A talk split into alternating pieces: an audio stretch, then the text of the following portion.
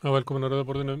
Í þættum í kvöld uh, fjöllum við um ímislegt það er hérna, síðast í þættinum kemur hann uh, Mauricio Tani. Hann er ítalskur íslendingur sem að fór til Úkrænu núna sent í höst eða snemma vetrar. Í vonum að geta fundið ykkur að leið hvernig koma mætti á fríði í Úkrænu hann ætlar að segja mér frá ferðinni sinni en líka tilhörnum sínum til þess að, að fá Íslandinga til þess að tala fyrir fríði, tala við hann. E, við komum með fastan sess hérna á mánundum og þá kemur Guðmundur Hrafn Argrímsson formaður leyendasamtakana og segir okkur fréttir af baráttu leyenda bæði hérna heima og Erlendis og hann kemur hérna eftir. Eftir fréttaefilitið kom henga tveir menn sem eru fróðir um verkalýsbaráttu fyrr og nú eins og sagt er Sigurður Pétursson uh, sakfræðingur uh, uh, og Gísli Tryggvason. Við munum bæði tala um ja, baráttuna og hefðirnar en líka um laugin Gísli held ég að hafi komið að því að, að semja þær breytingar á vinnulögjöfinni sem voru gerðar 1995 og sem fjalla meðal annars um miðlunartilluguna heimild sáttasemjara til að leggja fram miðlunartillugu sem mikið er deilt um núna. En við byrjum eins og vannanlega á fréttum dagsins og hér ætti að vera Marja Bittustóttir en hún er veik, þannig að Guðmundur Hrafn Argersson hefur hlaupið í skarðið sem lærlingur á fréttastofu. Já, velkomin. Rennur blótið skildunar. Velkomin. Takk fyrir. Þið eru upp á okkur að fréttir. Það er mikið í fréttum. Uh, náttúrulega kannski við byrja þar sem að flestir eru að taka eftir núna. Það er óveðri sem er að geisa. Það byrja svona hversa svolítið duglega upp úr 2-3 í dag. Og nú er allt bara Það er allt grála á Suðurlandi Já, eiginlega allt vittlust á Suðurlandi Þetta er Mar nú bara eitthvað smá hérna sínisótt sem við fáum í Reykjavík Já, það er Það var með þess að fallið veður þegar ég er kominga upp yfir Já, sami hér mm. En það eru bara margir uh, búið að hérna, mikil ófærð undir eigaföllum Uh, ég er lars fréttur um að ferðamenn hýrðust í kulda og trekki inn á gisti heimilum þar sem að maður geta að hita upp uh, hótelherbygging. Ramagnir fór. Já, ramagnir farið og það er líka búið að loka, loka vegum hérna í nákvæmlega höfbruksvæði mm. en ég heyri nú á hérna sveitungum mínum í ánurseppi að þeim minnist verið bara skaplegt. Mm. Það er eina, þetta er eina uppbólsfréttum með eina Marju þegar það kemur eitthvað óviður að þá bresta innviðinir og það var valla að fara eða kvess á Suðurlandi, eh, það var ramaslust frá Kolsvelli og austur fyrir Vík ah. og Vestmanniða líka. Þannig að það má valla reyfa vind á þess að, og svo svara mér oft sko, já það er bara við um öllu það er óveður og það er ekki þannig sko. Mænstu þegar Ramaki fóri á Ólasfyrði fyrir hvað, tveimur árum, þá var það bara út af vandrækslu við endurbyggingu línunar. Já, hún þóldi ekki, var ekki ísing. Já, hún þóldi ekki ísinguna. Já hafi verið eh, bent á þetta, það var líka viðbræðsaðilarnir, þeim hefði verið fækkað þannig að það sem áður voru svona viðbræðsaðilar í héræði, þeir hafi verið sparað og þeir verið aflæðir þannig að... En nú má ekkit út að breyða ef að, ef að hérna, hversir aðeins og, og, og hérna fyrir að snjóa eða kólnar þá eru sko margir af þessu innviðir sem við, við treystum á við að kerfið og, mm. og flutningskerfið ramaks, þetta bara... Uh, og ofta er ramangið fer þá fer GSM-i líka sem var öðruvísi heldur í kannada Já, já, þá var þetta ringja Ringja í kópaldum bara. Já, já. Var þetta svona að þú var nú strandamæður vestfjörðum Var þetta svona í þinni esku að detta út rafmagnu? Já, já, þetta var náttúrulega ótryggt rafmagnu. Ég ólst upp í Bólangavík og það var náttúrulega ótryggt sjónvarpi. Það dætt út uh, kvöldnum saman og, og svo var rafmagnu að flökta. Það var aldrei á 50 sko. þannig að það dætt ekki út. Nei, en það flökti náttúrulega. Þetta náttúrulega var náttúrulega allt öðru í flutningskerfi rafmagns þá. Þetta voru þetta tre staurar sem var hérna lágu. Kuppust. Já, já, í og, og hérna. En jú, ég man að eftir þessu það var alltaf kerti og, og elspítastokkar í öllum glöggakistum þannig að menn þetta ekki að falma í myrkrinu mm. Ég var reyna að rifja þetta upp og mér minnir að það hafi verið þannig að, að þó að verið brjála veður úti þá var alltaf bara að hafa hlýtt inni og, já, já. og ekki oft sem að rafmæli fór en þó mann ég það til dæmis á aðfokadag þá gætti fólk uh, sig á því að að byrja að elda snemma eða allt sem hægt var að elda undan vegna þess að, að það gætt dottið út svona millir 5 og 6 þegar allir voru með raffaeldar þá slegið út bara. þá slóð út sko. Já, já. ég man eftir þessu. En yfirleitt og ég segi það sama að ég er svona gammal og náttblöndur og svona með svo lítið ljós týra á, á hérna, ljósastörunum og ég minnir þetta hafi eitthvað verið öðruvísi þegar ég var að þá átti Reykjavík borg náttúrulega orkuvitun og mátti bara heiða rafmagn eins og það vildi og, áttu hittavituna og það var rafmagn og ródýrt hitti var ródýr þá gáttu líst upp eh, Reykjavík alla ekki bara annarkot stöður öðrum eigin eins og, eins og hérna var lagt upp með Ég man ekki betur heldur en að það tekið annarkvæmt ljósastur niður hérna fyrir nokkur mánu síðan. Já, það, hérna, til að spara orku. Að spara orku. Sem að yfirleitt sko fólkið á sjálf sko. Já, já.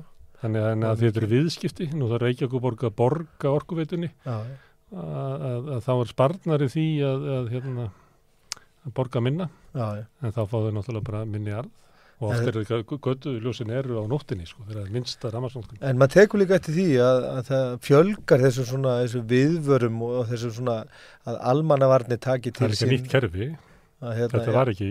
Nei og almannavarni taki til sín svona óveðusbár og, og hérna búistuðinu versta. Mm. Það er líka kannski út af því að innmyndið þólet ekki. Ég veit ekki, kannski er þetta bara öðruvísi sístum. Guðmundur Raffn 12 ára hefði ekki vitað hvað gulviðurum var. Hann hefði alltaf verið komið guluna. Já, mjög sennilega. Það var ekki komið. En Þetta er svona er, Já, hérna, Þetta á að vera fram eftir degi á morgun. Já, og það hrannar sín frettir hérna af, af bílum fastur á kjallanissi og, og það er náttúrulega bara ástæðis að býja fólkum að fara að valega náttúrulega. Ég var átti ferðum bæinn svona um þrjú, millir þrjú og fjór í dag. Það var, ég veist að það hafi verið bara svona 20% af þeim bílum sem eru vanlega þannig að ég með fyrst þá var fólk bara að byrja að draga sinni í skjel og ég, ég hleti ekki að kunna þetta náttúrulega. Já, já, það var bara, á mínu heimili var bara keift sérstaklega inn fyrir stormin sko, já. ég var þegar ég, ég var út í bandaríkjörnum eitt ár, þá var það var hérna spáð stormi í marsmánuði og, og það bara skrupp allar búðir til og auðlustu svona blissart óveðurs tilbóð í öllum glöggum. Það var bara til að gapa ykkur til að kaupa. Sko. Já, já, en þetta er svona, menn getur mm. svolítið úr þessu sko, en, en hérna gott að það er eitt triks að því ég vann eins og í kjötbúð þá var hérna mjölkurverkvall eins og var oft á sem það tengis kannski aðalfjötu dagsir sem eru verkvall en það var sagt, verkvall í mjölkubúðinni og þá sá kaupmærið sér leikaborði og setti fyrir fram að svona trópi áastaferðnur aðeins tvær á mann og það er tæmtust í kvelli það þurfti ekki að skamta það. Það var bara klóku já, bara leið og takkmarkað fólk sækist eftir takkmarkum í gælum. Þetta var klokkt hjá. Mm, en að eitthvað tíman ef þú ferði það er eitthvað kjötbúðin þá er þetta gammal triks en mjölkubúðin var náttúrulega farnar þannig að Já, en það er hérna... Það er verkvallið. Já, verkvallið. Og málafelli. Já, það er uh, mikið að gerast og við... Fórstu í hérastóm? Ég var í hérastóm í dag og, og hérna um, var þarna með tölvört uh, stórum hópi af uh, eflika fólki. Ég fór nú þarna til þess að styðja bara félaga mína sem er á legumarkaði og er að berjast fyrir betri kjörum.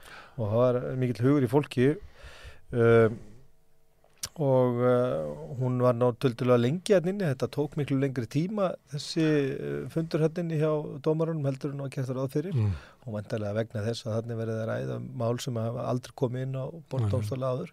En það er alveg ótrúlegt að fylgjast með framöndu þessa máls. Þetta er uh, bara uh, þetta byrja náttúrulega bara með því að, að, að kemur fram með þessa tillugu að þessum tífumpunkti og allur aðdraðandin sem að flestum var ljós að það, hérna, hann búaða til blagamannafundar dægin áður ef ég mann rétt. Uh, áður en hann sest niður með hérna, Já, ég held ekki, ég held að það hefði komið morgunin að, Já, hann hefði búaði til blagamannafundar Já Já, bara þá með klukkutíma fyrir var hann að því hann hittir Svo hefur verið að lýsa sér í dag, hann var eiginlega hendt út til þess að geta haldið bladamannafundi já, já, ég man eftir þessari tilkynningu með bladamannafundin mm. og, og svo hérna að koma svo með þessa tillugu sem er samljóða tilbóði uh, samtaka atvinnlýfsins, mér finnst þetta eiginlega sko, ég ánum alltaf orð til þess að lýsa þessu að, að, að, að geta kalla þetta miðlunatillugu Það stangast held ég á við svona hugmyndir almennings um, um sangjarni að það sé sangjant að taka sjóna með annars deiluðala. Já, það get ekki annað eh, síðan að þetta bara uh, stríði gegn öllu svona manns viðmiðum mm. þegar maður hugsaður um þetta. En öll uh, verkefliðsreifingin eins og leggur sig hefur svona sömur fordæmita, það er notað í mörgum yfirlýsingum, aðri hvetjan til þess að draga þetta tilbaka, já. aðri segja þessi vaf um lögmæti og eitthvað flera, mm.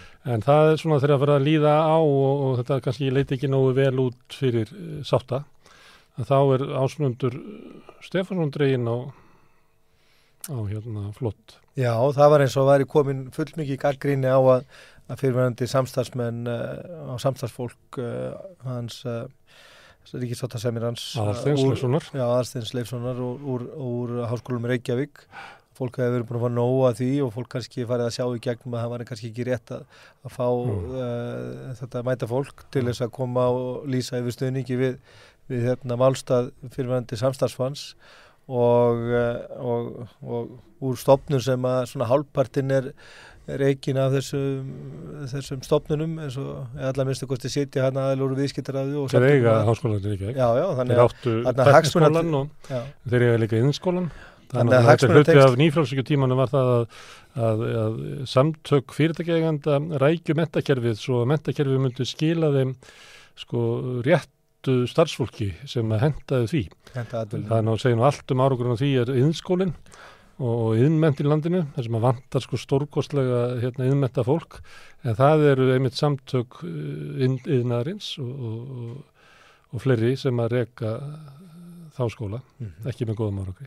Ég man eftir þessu umræðu bara þegar ég var í gamla tekniskólanum uh, og að, hérna, þá er þessi umræðu að komast að það þurfti að vera með skólastofnani sem að framleitu uh, vinnuafl sem að hendaði vinnumarkan. Já og þetta er kannski að eh, háskólinu Reykjavík er afverðin á því, en kannski er þetta ástæðin fyrir það ásmundur Stefánsson er dregin að það fram, er að fólk ja. hefur kannski verið búin að sjá full mikið í gegnum þetta að, að draga þarna fram eh, augljós hagsmuna tengsl. Það var í Kastlurs í kvöld?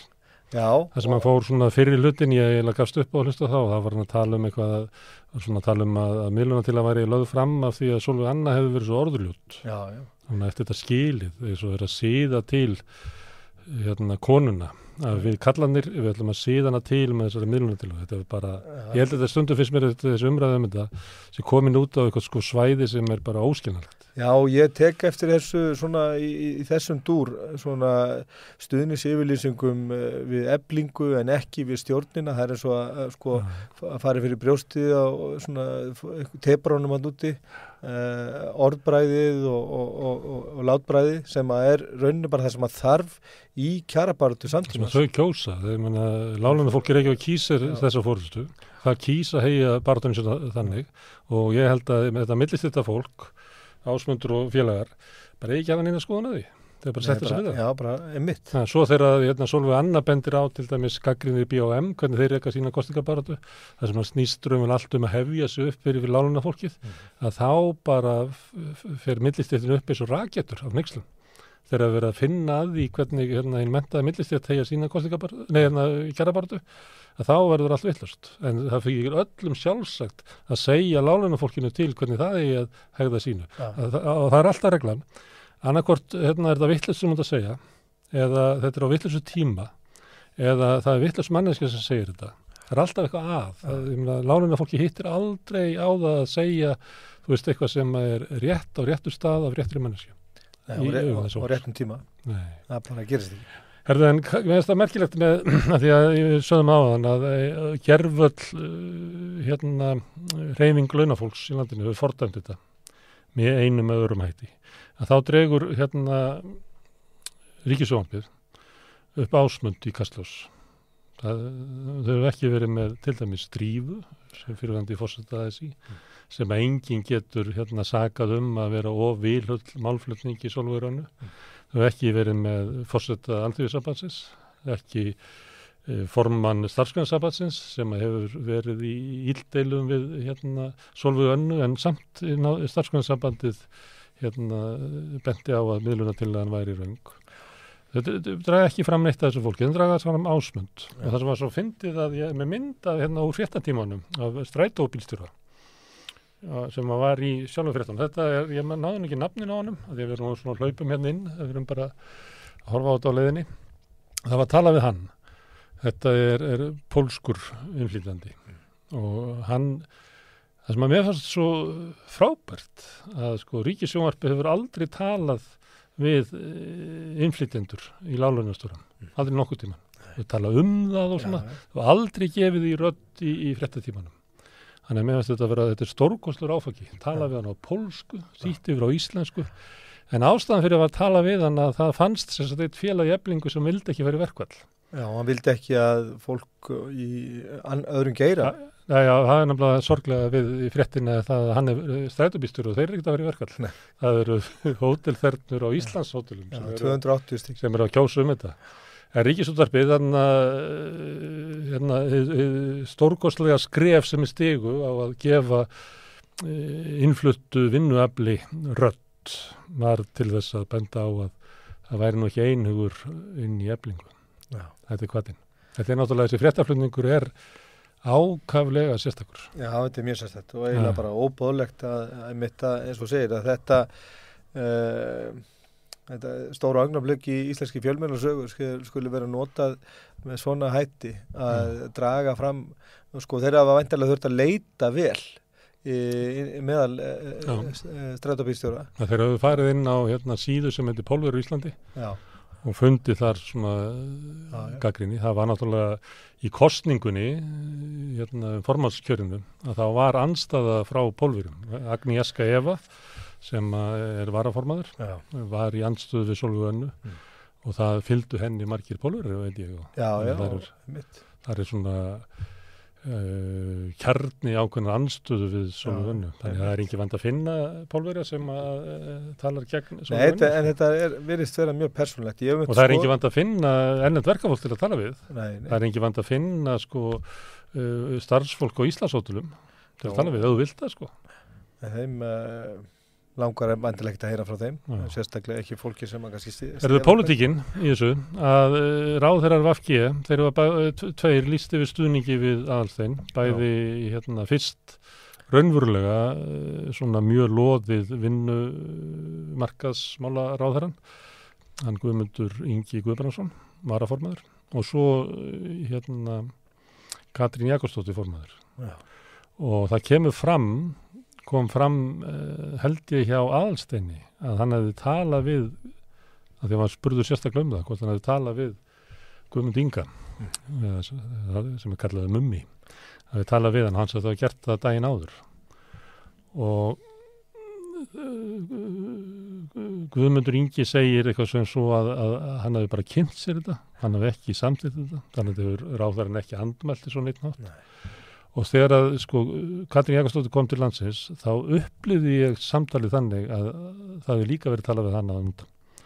Og það sem að mér finnst það í að koma fram við hverja talaði aðalstegn daginn áður þannig meðan hann var að taka ákvörðum það hefur núna komið fram sem að Solveig Anna segir að hann hefur það eftir samtölu við hann að hann hefði talað við ímsa menn úr verkefliðsfórustunni sem að voru í karpúsinu af ímsum ástæðum. Við vitum að þangað er, það er eitthvað svona viðræður sem eiga verið til undirbúnings eh, næsta kjærasamningi en eru náttúrulega hvorki fuggnu fisku vegna þess að veit ekki sko hvort að verðbólgan eigi að vera 5% eða 15% þannig að það er eiginlega e, ómúlegt að vita veist, hvert þær viðræður er að fara. Þannig að en þeir eru þarna eitthvað staðar. Þannig að hann eh, lætur í það skína í samtunum við Solveig Önnu að hann hafi, hann hafi njótið eitthvað svona viðtæk stuðnings við þetta, hann sé ekki breyt með þessa hugmyndir. Við vitum að hann talaði við Guðmund Inga en ekki fleiri. Mér finnst það ég að koma fram að, hann er að segja það bara. Já, auðvitað hann að eh, ljóstra upp um við hverjan ráðfæri sig við svona tímamót að aðvíknast þetta eru eins og flestir verkefæl sem eh, leittóðan hafa sagt hérna undir varan daga, þetta eru gríðarlega stór tímamót í íslenski í sögu verkefælispartu Gangu þörft á söguna og hefðina Já, þvert á söguna, þvert á efðina og mm. kannski fordæmisgefandi ef þetta nær fram að ganga. Þannig að auðvitað á hann að ljóstra upp um það við hverjan tala og raðfara sig. Ég, ég veit ekki hvernig upplýsingalögin eru eða hvort hann þarf að gera það, en mér finnst sjálfsagt að, að, að hann gerir það eða þá að, að málsæðilar krefja hann reynlega um það. Mm. Ég held að hefur, hefur Sólvanna ekki uh, spurtan formlega. Jú, jú. Hann svarði því ekki. Nei. Ég held að hann hefði ekki svarað einhverju sem að svona hefur spurt hann. Nei. Það er eitthvað svona, það er þeir svo yfirleitir sko, yfirleitisfull sko. En, en mm. hérna auðvitað skiptir það máli við hverja hann ráðfæri sig við, í, í aðdraðandu svona ráðstöðunar það skiptir öllu máli held ég. Og hérna og mér fannst uh, svolítið undarlegt að að það er mér persónulega skoðun að uh, nafni minn uh, vinnumarkars ráðra Guðmundur Ingi Guðbrandsson hafi ekki hreinlega uh, fresta försinni til Danmörkur Eða sko, ég menna hann eh, segir já, ég ætla að hitta þig á mándagsmorgunum nýju. Nei, heyrðu, ég þarf að flýta förminni að ég spáði ykkur vondu veðrið að því ég þarf að eh, vera með fund og þriðutæðin í köpinu, þannig ég þarf að fljúa. Held, ég menna, okkur bara, tala hann ekki bara, hérna, Katri Jakobsdóttir talaði nú ekkert um hann við, hérna, auðverkisráður bandaríkjana á keflaglöðli. Það eru fundarið ekki þar. Það er þetta að hitta bara á leiðinni. Hey, stundum hefur ekki lengt í því að það þurfa að, að tala við mann og skuttla út á, hérna, á flugvöld á leiðinni og nota bílferðina til þess að funda. Jó, bara, svo líka til sími Já, og er ekki zoom. líka bara búið að leggja fram þá stefnu innan ríkistjórnarunar að nýta sér fjárfundatækni eins og mm. hægtir ég man ekki betur en að vera umræðum það fyrir nýlega, þannig að ég, ég, ég, hérna, ég er svektur með uh, ráðhrann mm. að uh, koma svo undan því að hitta Solvík Önnu á þessu tímamótum megna þess að þetta hefði uh, hérna hugsanlega geta hérna, kasta ljósi að varpa ljósi á það sem er að gerast ef hún er fengið að hitta hann. Herði ég ætla að tala um uh, þessa stöðu alla við Sigur Pétursson og Gísla Tryggvarsson á eftir þannig að við verum að fara yfir í önnur mál. Er... Merkilast í morgun var hækkunum vísitölunar. Já, það er og mikil. Og það var miklu meiri heldur en að rekna með, eða allir. Ég vil nú benda á það því að hérna, við tölum um dýttiðina hérna svolítið, ég og Marja og við höfum alltaf spáði að verðbólgan væri ekkit að leiða niður, heldur bara að leiða upp. Ja. þannig að Hagstofa samst, samstöðurinnar hún spáði því að verðbólgan væri þarna. En það verið, eh, þetta var hérna langt fyrir ofan spá allra, ég heyrði meiri segja ykkur aðeins sem er alltaf með hérna svona forstuðumenn í hagdeld og bankana, ég heyrði bara óminnaði í einhverju fréttanum og það var einn mættur og sagt, þú veist, já, þetta er bara eitthvað svona já, slís eitthvað og svona en hún fer nýður sem að ég, það er bara engi merkið um það. Þetta er svo, þetta er svo mikil tíðindir umvöla vegna þess að það var komið fram að það var orðið frost á sko fasteinnamarkaði mm. sem er 20% af vísitölunni og hefur drifið hann áfram á undaförnum hérna missurum umvöla en uh, það búið að slakka henni en samt er hún að fara sko eins og hún var hæðst í sumar þegar að hérna var eiginlega Sælabankina lýsið fyrir hálfgjörði neðarástandi yfir þessu þannig að ég hef skuldabriða hérna, vextir rúku upp í dag sem bendir til þess að sko hins svo kallaði markaður hafi ekki reikna með því að, að það kæmi fram svona mikil hérna, verðbólga. Það sem er, er nokkur aðrið þessu, það er náttúrulega gjaldskrárhækkanir hins óbebera, eh, ekki síst sveitafélagana og, og hérna, krónutölu skattar Bjarnar Benediktssonar áfengi og í sambandi við innflutning og bílum og öðru slíku sem hækkar mm. þetta, það var allt fyrir sig. Það er bara miðlungs uh, góður nefandi í hækkfræði geta að rekna sjálfur. En það sem er þann inni er, er gríðarlega hækkun á maturu og hækkar um 2% á milli ára sem er náttúrulega bara einhver milli mánuða sem er bara einhver verbulgur hraði upp á sko 25-6-7% Já, já Það er bara eins og hann var að vísa til hann ásmundur hérna að verið verðbólgan 30% þetta þegar hann var sem vest. Já, þar inni er mikil hækkun á landbúnaðurum en það er líka alls konar hérna, innlendum sko matvælum. Þannig þetta er ekki þannig að krónan hafi fallið svo mikið þess að hækkar hérna, verðlaga og innfluttum matvælum svona mikið, það, það er ekki málið. Sko. En hún er samt að veikast eitthvað. Já. Bætir í, já, gerir já. þetta kannski eitthvað aðeins verða en, en þetta er sleimt, þetta er gríðarlega háar tölur. Verðbólgun sem að knýra náfram eru fimmadriði það er húsnæðismarkaðurinn sem að hann er í frosti, hann er ekki að gera það. Það er innflutt verðbólga það er sagt búið að vera verðbólga í Evrópu sérstaklega og lendar víða í heiminum. Þannig að innflutningur hækkar í verði og veiking krónunar getur líka valdið þess að innfluttar vörur verða herri verði Það er það sem að, það eru gjaldskrárhækkanir hins ofinbyrra sem að koma fram núna og voru fyrir síðar. Það sem að, að hérna, hið ofinbyrra, að því að verðbólka, telur sér bara að þurfa að velta sínum kostnæði út til neytandi aftur. Mm. Á sama tíma og hið ofinbyrra að gera kröfur við launafólk, að segja fátæku í hótelþærnundar í Íslandshótelum, að það er bara kingi hækkuninni og sætti sig við kaupmarötuður rýrnuna næsta ári að þið opið bara gera það ekki hún átt að vera pening dælis út mm -hmm. uh, fjármáráður hefði getað hækka til dæmis fjármæstekjuskatt sem hefði ekki eftir verðbólgu kveitandi en árif hefði getað lagt á auðlega skatt hefði getað hækka veiðigjöldin gert alls konar hluti til að afla ríkinu tekna sem að auka ekki verðbólgu eins og hækkuna áfengiskaldi, bensíkjaldi tollum og alls konar svona dótur í síðan eftir með það sem er kallað sko svona inn, innanlands þensla, svona eftirspölda þensla það er, var mikil hagustur í fyrra. Uh, fyrirtækin ganga hérna flest mjög vel. Já, mörg hvað skilja meðtakna Alveg bara ótrúlega góðar í fyrirtækregstur á Íslandi.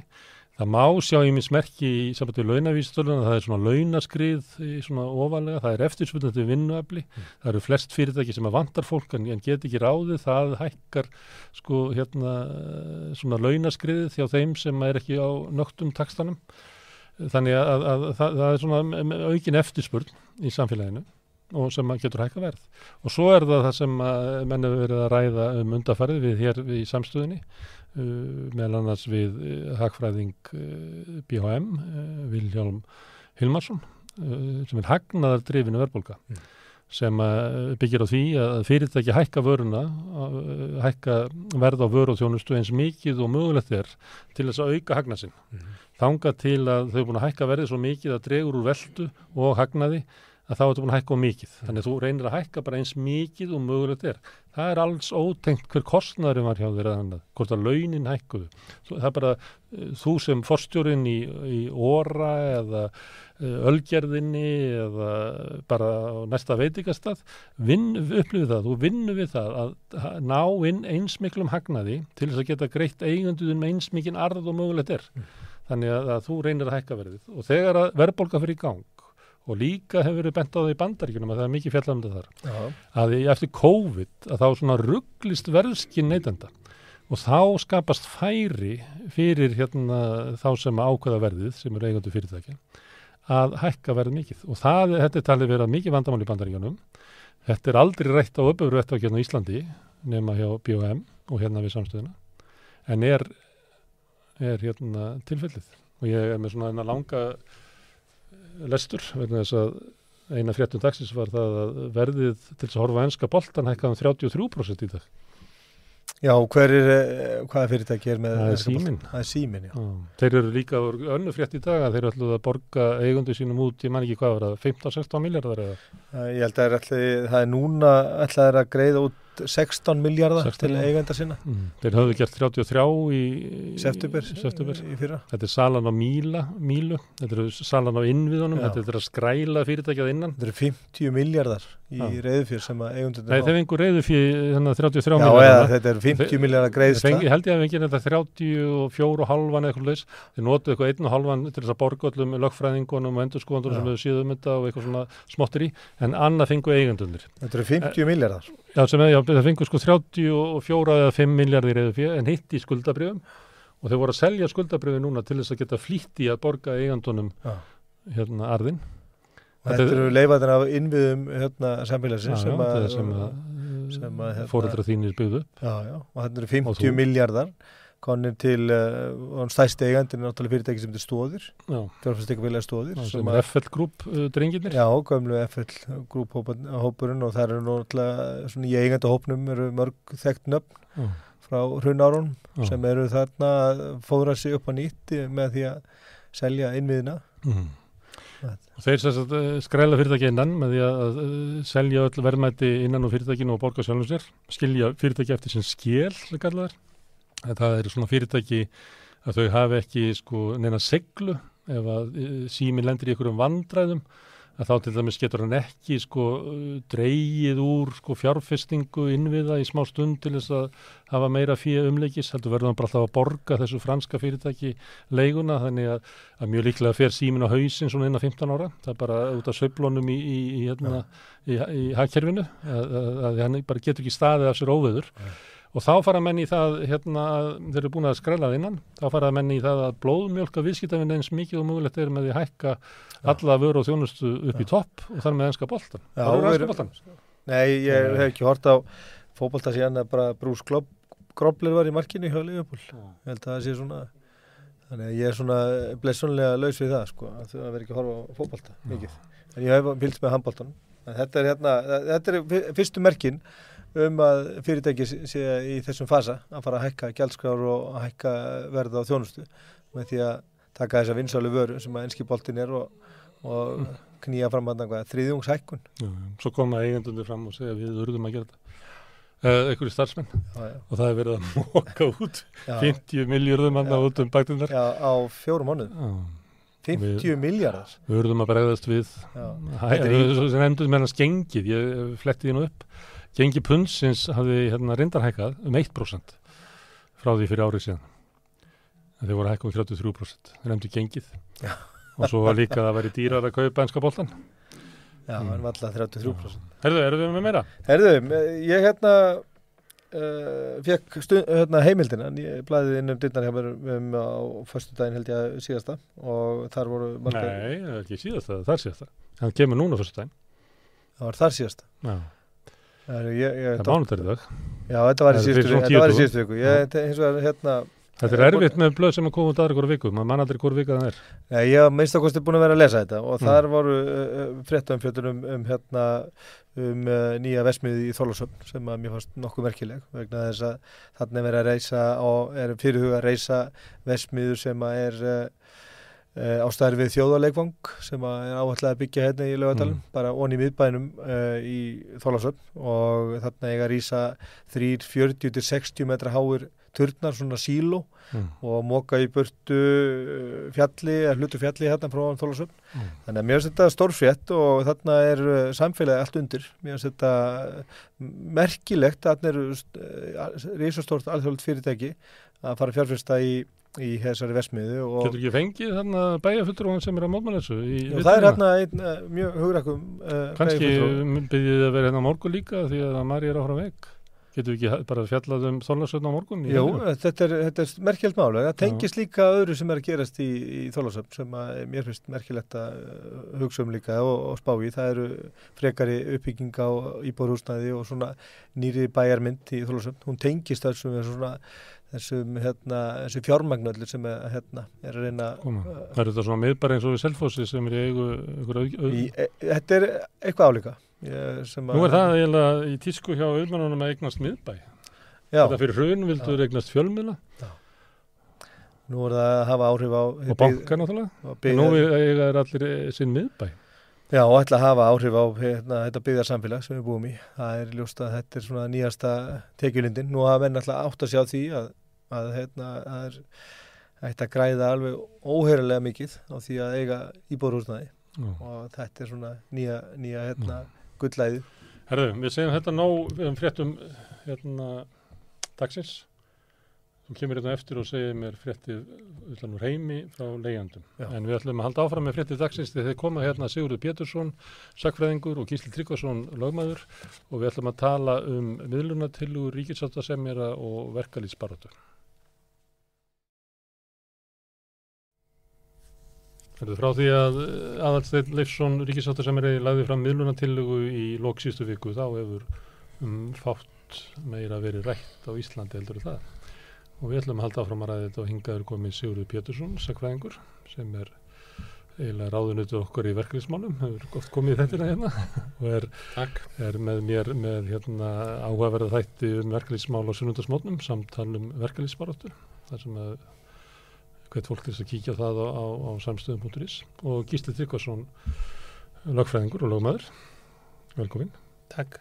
Og velkomin í bóðir Herðu, þetta mál er náttúrulega uh, það snýst um lagfræði að sömuleiti, það snýst líka um hefðir og, og, og hérna, hvernig á að ná sáttum og, og svona stöðun á vinnumarkaði.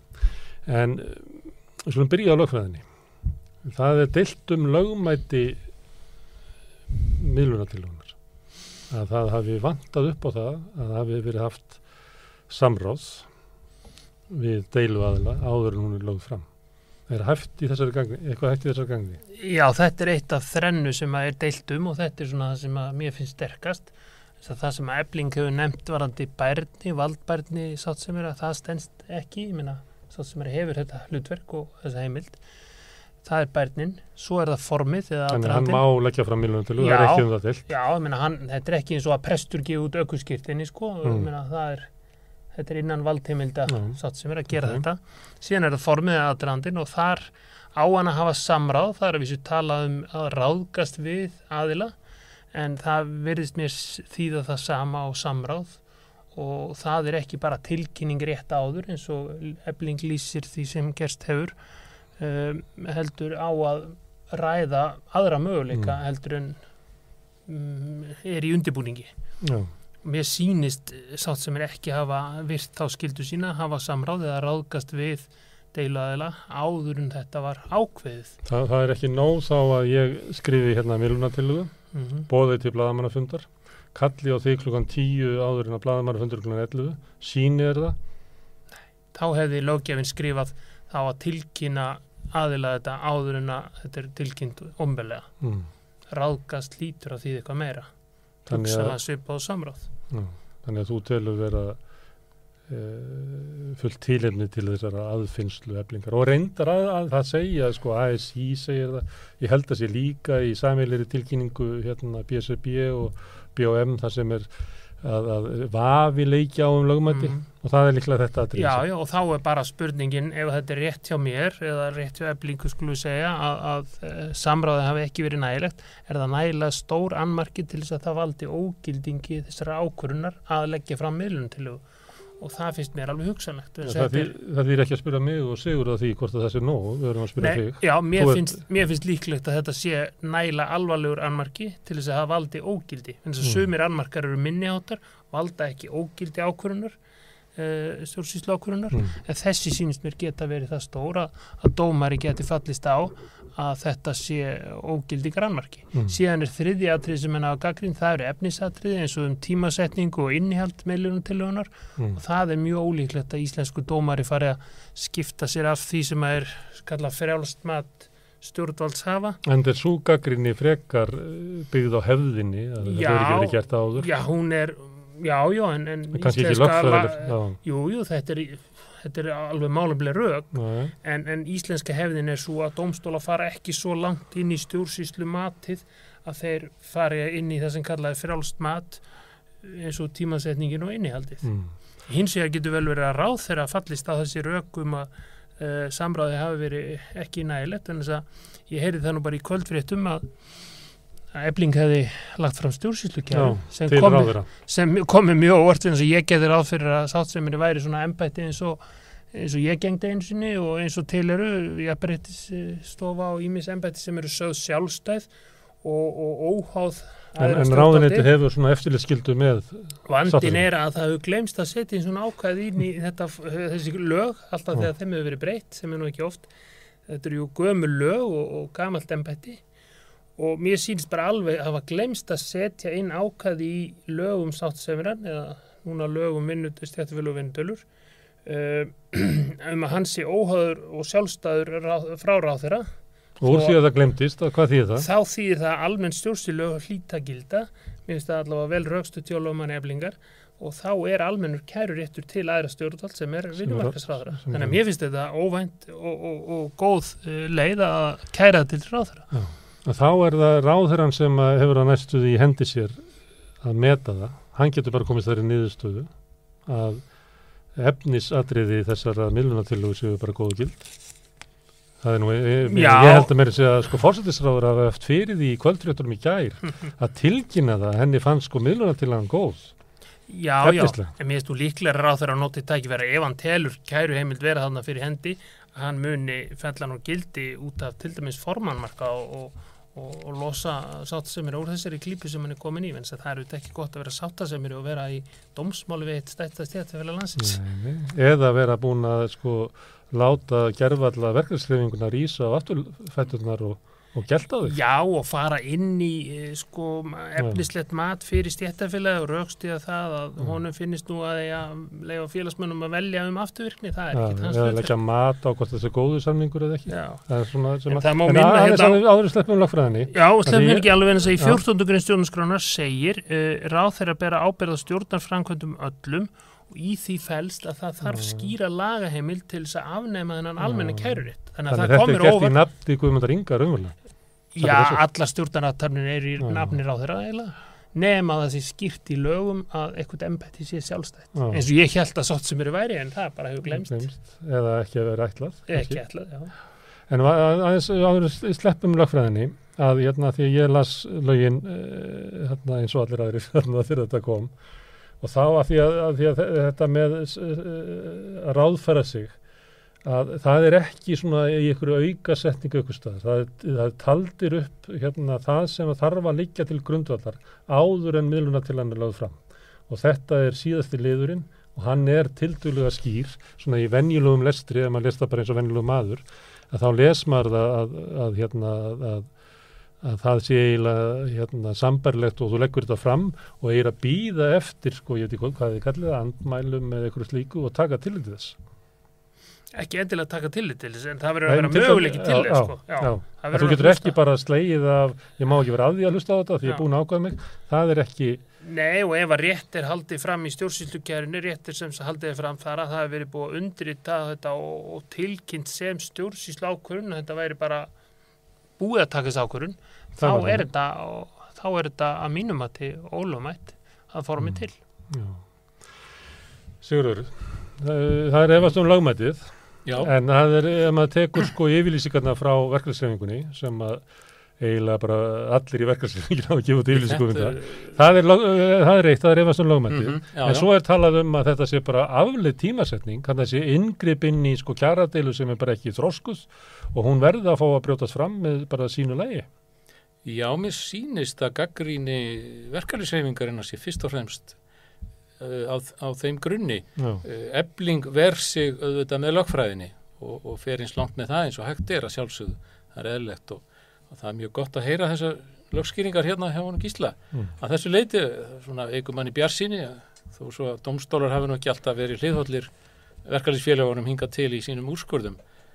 En uh, þetta er alveg stóru merkilegt að, að upplifa það auðvitað að, að ríkisáttasemjari er í raun og veru búin að samina verkefnisreifinguna Mm. sem engum hefur tekist síðastu misserinn já, með þessari aðgerðsinni og sýnir kannski hversu vanhugsað eða mikið feilspor þetta er í raun og veru já.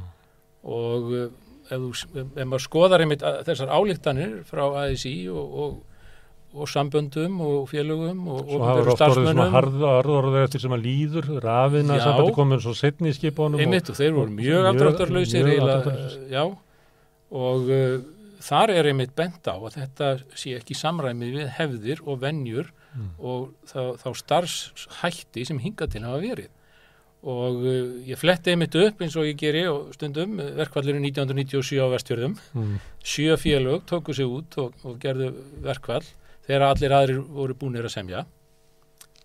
E, það voru fjórar vikur liðnar af mjög harðvítugu verkvalli áður heldur en að ríkisáttasemjari sem að þá var Þórir Einarsson Mm.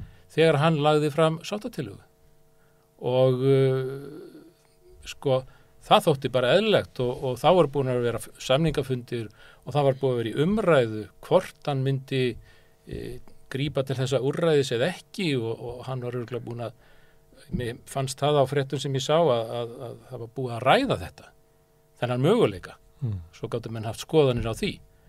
E, þessi sáttatelja henni var reyndar hafnað en það liði tvær vikur í viðbót í verkvalli og þá kom hann aftur með sáttatilugu en í bæði skiptin að þá kom hann ekki með tilbóð annarskos aðilans. Mm.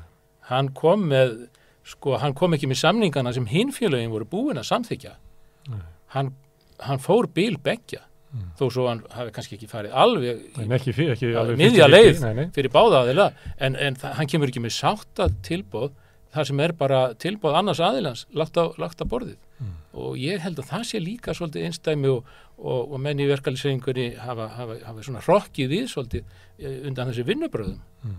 og þess vegna kannski er þessi samstaða núna, óvænta samstaða í verkeflisefingunni Drífa fyrirvændi fórsetið að þessi, hún sagði í einhverju viðtalinu að hérna, það er eins og hann hafi ekki átt að segja á því aðalstitt hvað hann var að kveikja.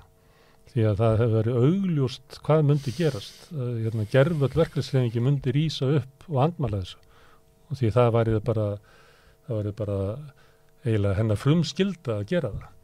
En síðan hefur komið fram og þá er Solveig Anna vittnar til þess að aðalstætt segist það var áðfætt sem við ykkur að menn sem að voru þarna úr öðru, öðrum verkefliðsfélögum, úr starfsgrunnarsambandin sem hefur verið í, í karpúsinu af ykkur öðrum ástæðum og, og, og talar eins og hann hafi verið að ráðfæra sig við hinn á þessu, ekki formlega, þetta er ekki lögfræði, heldur bara svo sem er að, er að í, hvað sér að móta hugmyndinu um að leggja þetta fram, að þá kynir hann það fyrir svolítið önnu eins og þetta við fallið bara almennt í, í sæmilan jarðvega. Þetta bara passar enga veginn saman, til dæmis afstæða drífu, hvernig hún metur það hver viðbyrjun eruðu og svo það sem hann segir við svolítið önnu að þetta hefur bara hljómað ágjörlega í eirum ímisla hérna, verkanins sem hefur verið þarna á vappi verkefælisforkóla, nefndar það? Já, fórustu fólk úr verkefælisforkólinni. Það hljómar mjög enginnilega sko, mm. það gerir það vægar sagt og, og hverjir sem uh, hann hefur ráðfært sig við, hvort sem það er aðilar á vinnumarkaðnum eða jafnvel ríkistjórninni. Það talaði, en það hefur komið fram, hann ringdi í vinnumarkaðsmálaráðurann. Já, það hefur komið fram. Vinnumarkaðsmálaráðurann sagði sjálfur að hann hefur verið kynnt þetta. Já, já, já. Ekki þannig að hann ætti einhvern veginn að samþykja það En náttúrulega ráður hann hefði getað andmælt þessu. Já, það er aðteklisvert að, að ef að ráðgjafar hans hafa engin aðeim hefur varaðan við því að koma með tilhugana á svona frum stíi deilunar í raun og veru. Og það er, það er, það er yfirstandandi atkvæðagarísla um fyrst verkvælsaðgerðis. Mm. Og hann, hann, hann er eiginlega stígur inn í og trublar þá atkvæðagaríslu þannig að öllu leiti er þetta mjög óeðluleg tímasetning mm. og uh, sko já, það getur vel verið að, að, að, að þessi, þessi aðgerð eða þessi fyrirætlun eblingar að fara í verk allavega á, á, á viðkvæmum stað þar að segja, hjá, hjá ákveðinni hótelkeðju og, og væntalega þá í framhaldinu kannski að trubla ferðarþjónustuna enn frekar mm að það hafi bara vakið svona mikla skjelvingu hjá einhverjum í, í samfélaginu að, að það þurft að grýpa til svona, svona örþrifa ráða. Mm. Eh, að, að öru leiti er þetta algjörlega óskiljanlegt. Ég, það er nú mjög skrítið eins og þú nefnir, ég minna að það eru mörg dæmum það í áratögu og sögu ef ekki, já, bara mjög löng, löng saga um að það hefur verið langt verkvall á innviðum eða grunnatvinnuvegum sem að hefur samt, hvað sé, verið látið ganga all lengi já, já, fyrir, eftir, eftir réttum reglum lífskjara samningarna voru verkvöld á hótelónum já, vissulega, vissulega. Mm. og miklu fleiri dæmi kennarar voru í margra vikna verkvalli áður en að kom svona tillaga og henni var reyndar hafnað með 90% atkvæða mm. á sínum tíma 2004-05 eitthvað svo leiðis og, og það, þá í framhald af því voru þá sett lög. En, en, og það hefur gerst svo sem í, í, í fleiri deilum sem að hafa varðað kannski e, flugið eða einhverja svona mjög mikilvæga starfsemi í þjófélaginu en, en að Þá hefur það verið að þegar þetta var byrjað að hafa áhrif það já, er ekki að einhver hafi haldið þetta getið haft okkur áhrif. Einmitt og ekki á þessu forstíi ég menna lítið bara út á gluggarna það getur vel verið að bara breyti engu fyrir Ísland sem heild hvort það séu sjö hótel í Reykjavík af hvað 40-50 sem eru lókuð sko, kannski bara breytir það einhver. Og þetta er náttúrulega einhvers konar yngripp og þetta er yngripp af halvu stjórnvaldshafa sem hefur ekki líðræðislegt umbóð eins og alþingi hefur þó og, og yngrippin sem alþingi hefur, að, left sér í vinnudeilum eru ímist svona eftir á og ég vel gamla dag með bráðbjörnulögum kannski en, en yfirleitt er það nú alþingi sjálft og svo eru náttúrulega fyrirfram yngripp með því að takmarka verkvælsrétt sumra stjætta eins og hilbriðstjætta. Þannig að það er alveg viðukent hjá lókjáðunum sko hvaða starfsemi er það mikilvæg að það er ekki mm. óheftur uh, verkvælsrétt. Sjóðhagslega mikilvæg. Já og í gamla dag var náttúrulega ofnverðu starfsmunum, nei valla, það er... Uh, það væri eitthvað nýtt og, og í gamla dag var náttúrulega ofnverðu starfsmunum almennt bannað að fara í verkvælda því að þeir voru bara utan við þetta lagakerfi. Má bjóðu ykkur að geta til hvaða hættu aðalsteinn og þeir sem hann ráðferði sér við hafi séð ef það er ekki svona efnaðsleg vá, svona hún er ekki komið fram, er það pólitísk vá, að megi ekki gerast að láluna konunnar í eflingu náið fram herri launakröfum með því að fara í verkvall heldur en aðrið hafa fengið? Sko þetta er alveg ótrúlega erfitt að, að, að sjá skynnsemina í þessu ef, ef, ef hún er einhver staðar annarkort er þetta svona mikil hræðsla eða þá offorsið líka að ebling megi alls ekki ná góðum samningum. Ekki eins og ná fram sko aðgerðum sínum. ekki einu sinni að fara eftir löglegum réttum leiðum uh, láta reyna á það. Atkvæðagreislan í þessu fyrsta verkvalli hún var ekki, hún var ekki eins og búin, hún var ekki afstæðin afstæðin var ekki komið fram Nei, hún er að fara að koma fram og, og, og forstjóri fyrirtækisins var nú samfarður um að starfsfólkið hans eh, myndi hafna verkvalli mm. það kemur nú í ljósi kvöld hann er, hann er rétt spár, en ef hann var svona viss um það þá hefur nú vendanlega ekki trýst á það að, að, að svona aðgerð færi á stað. Spurning hvort að ríkisáttasemjari taldi sig eða taldi sagt, að, að, að stemmingin í þjóðfélaginu heimtaði þetta og það held ég hafi verið það, þá gríðalegt vannmatt Það er það að ég legg eitthvað mat á stemmingu í, þú getur ekki bara hverju þú hýttir á kaffestofunni menn geta það auðvitað, en, þú þarf að gera eitthvað til þess já, að tegja þig eftir. En Ég held að bæ, hvorki þessi hræðslurög eða þetta sko að þessi stemning fyrir því sé kannski nærtakast skýringin, ég held að skýringin sé nú kannski fyrir ekkar svo að hann hefur ekki Uh, leitað eftir sjónum með nóg margra, ég meina álitskjafar fyrir og eftir þessa tillögu hafa náttúrulega komið úr ákveðnum kreðsum Háskólinni Reykjavík og Ásmundur Stefansson mm. þetta er náttúrulega hvað að segja svona uh, Já það, það eru einu sem að hafa menta, elita og, og, og sofa koma hérna mm. kannski fólk sem að er kannski ómart í kringum aðstinn uh, frekar en að hann tali við fleiri ég ég held að hann hefur hennilega ekki sko ráðgast fyrir nógu marga mm. uh, reynda aðila mm. uh, reynda einstaklinga til þess að og hann hefur bara hlaupið á sig sko. mm. Nú er hérna staðan erfið í þessum samningum og mann okkar að velta einu fyrir ykkur að þegar að í aðranda lífskjara samningana að þá var svona staðan á verkefnsreifingun ekkit ólíkt því sem hann er núna það voru menn sem að vildu, við getum kallað svona hófsamari arm og svo voru fólk sem að, að hérna, var baráttuglaðara. Mm -hmm. Þá var hérna Bryndi Slauðustóttir, eða ekki, Ríkisáttarsemeri og uh, það var komin viðræður við SA og starfsgrunnsabatið en þá var ebling hérna, ekki með í því og það voru hérna, ebling, vaffer, verkefnisfélag Akranes, Grindavíkur og, og setna held ég hafi komið Húsavík inn sem að voru gaggrinn á, á uh, leiðina sem að kjærasamlingar voru að fara. Þá kaus ríkisáttar sem er að beina umræðinni að þeim sem að vildu voru með herri kröfunar og gekk grunverulega frá lífskjærasamlingunum við þau og starfsgrannsambandi kom þar inn í setniskipunum. Í þessari þínu e, að þá er það sama staðan uppi að það er starfsgrænsambandið villauðsóla að gera skamtímasamning um hérna svona bráðabyrðasamning á meðan að, að að þið munið eftir því í haust að þá var eh, Ragnar Þór Ingólfsson með ársenninga fyrirtækja undir arminum og vildi sína fram á að það væri sögulegt góðari í íslenskum fyrirtækjarekstri og taldi að verkefnsreiningi geti náð fram hærri hækkunum og hefðu aukþess líka erindi við stjórnvöldum að lagfæra húsnæðismál, skattamál og eitthvað fleira. Ebling var með hérna frekari gröfur. Mm. Í þessari stöðu að þá var fyrst rætt við starfsgrænsabbatið sem að Vaffer var í samflóti með þá. Þegar að, að var sínt hvert að stemdi þá rauf Vaffer sér útrúsu vegna þess að það sætti sér ekki við stöðuna sem að var á borðunum en samt helt hérna, sáttasemir áfram að tala við hófsværa hlutan, gerði samning við það og reynir að koma honum yfir og alla. Vaffer sætti sig við það vegna þess að sko taktíska staðan var bara fallin þar sem þessi samninga voru komnir og við neyðist þó til þess að gera þessa samninga og förum þá bara að vinna að reyna að fá stærri samninga en voru því munið eftir því að Ragnar raug út eiginlega mm -hmm. á þess að tala við nokkur mann út úr karpúsinu og var bara eðilaða maður, hann kom hérna til mínum kvöldin og hann var bara eðilaða maður yfir þessu, var, veist, þetta væri svo ömuleg lending.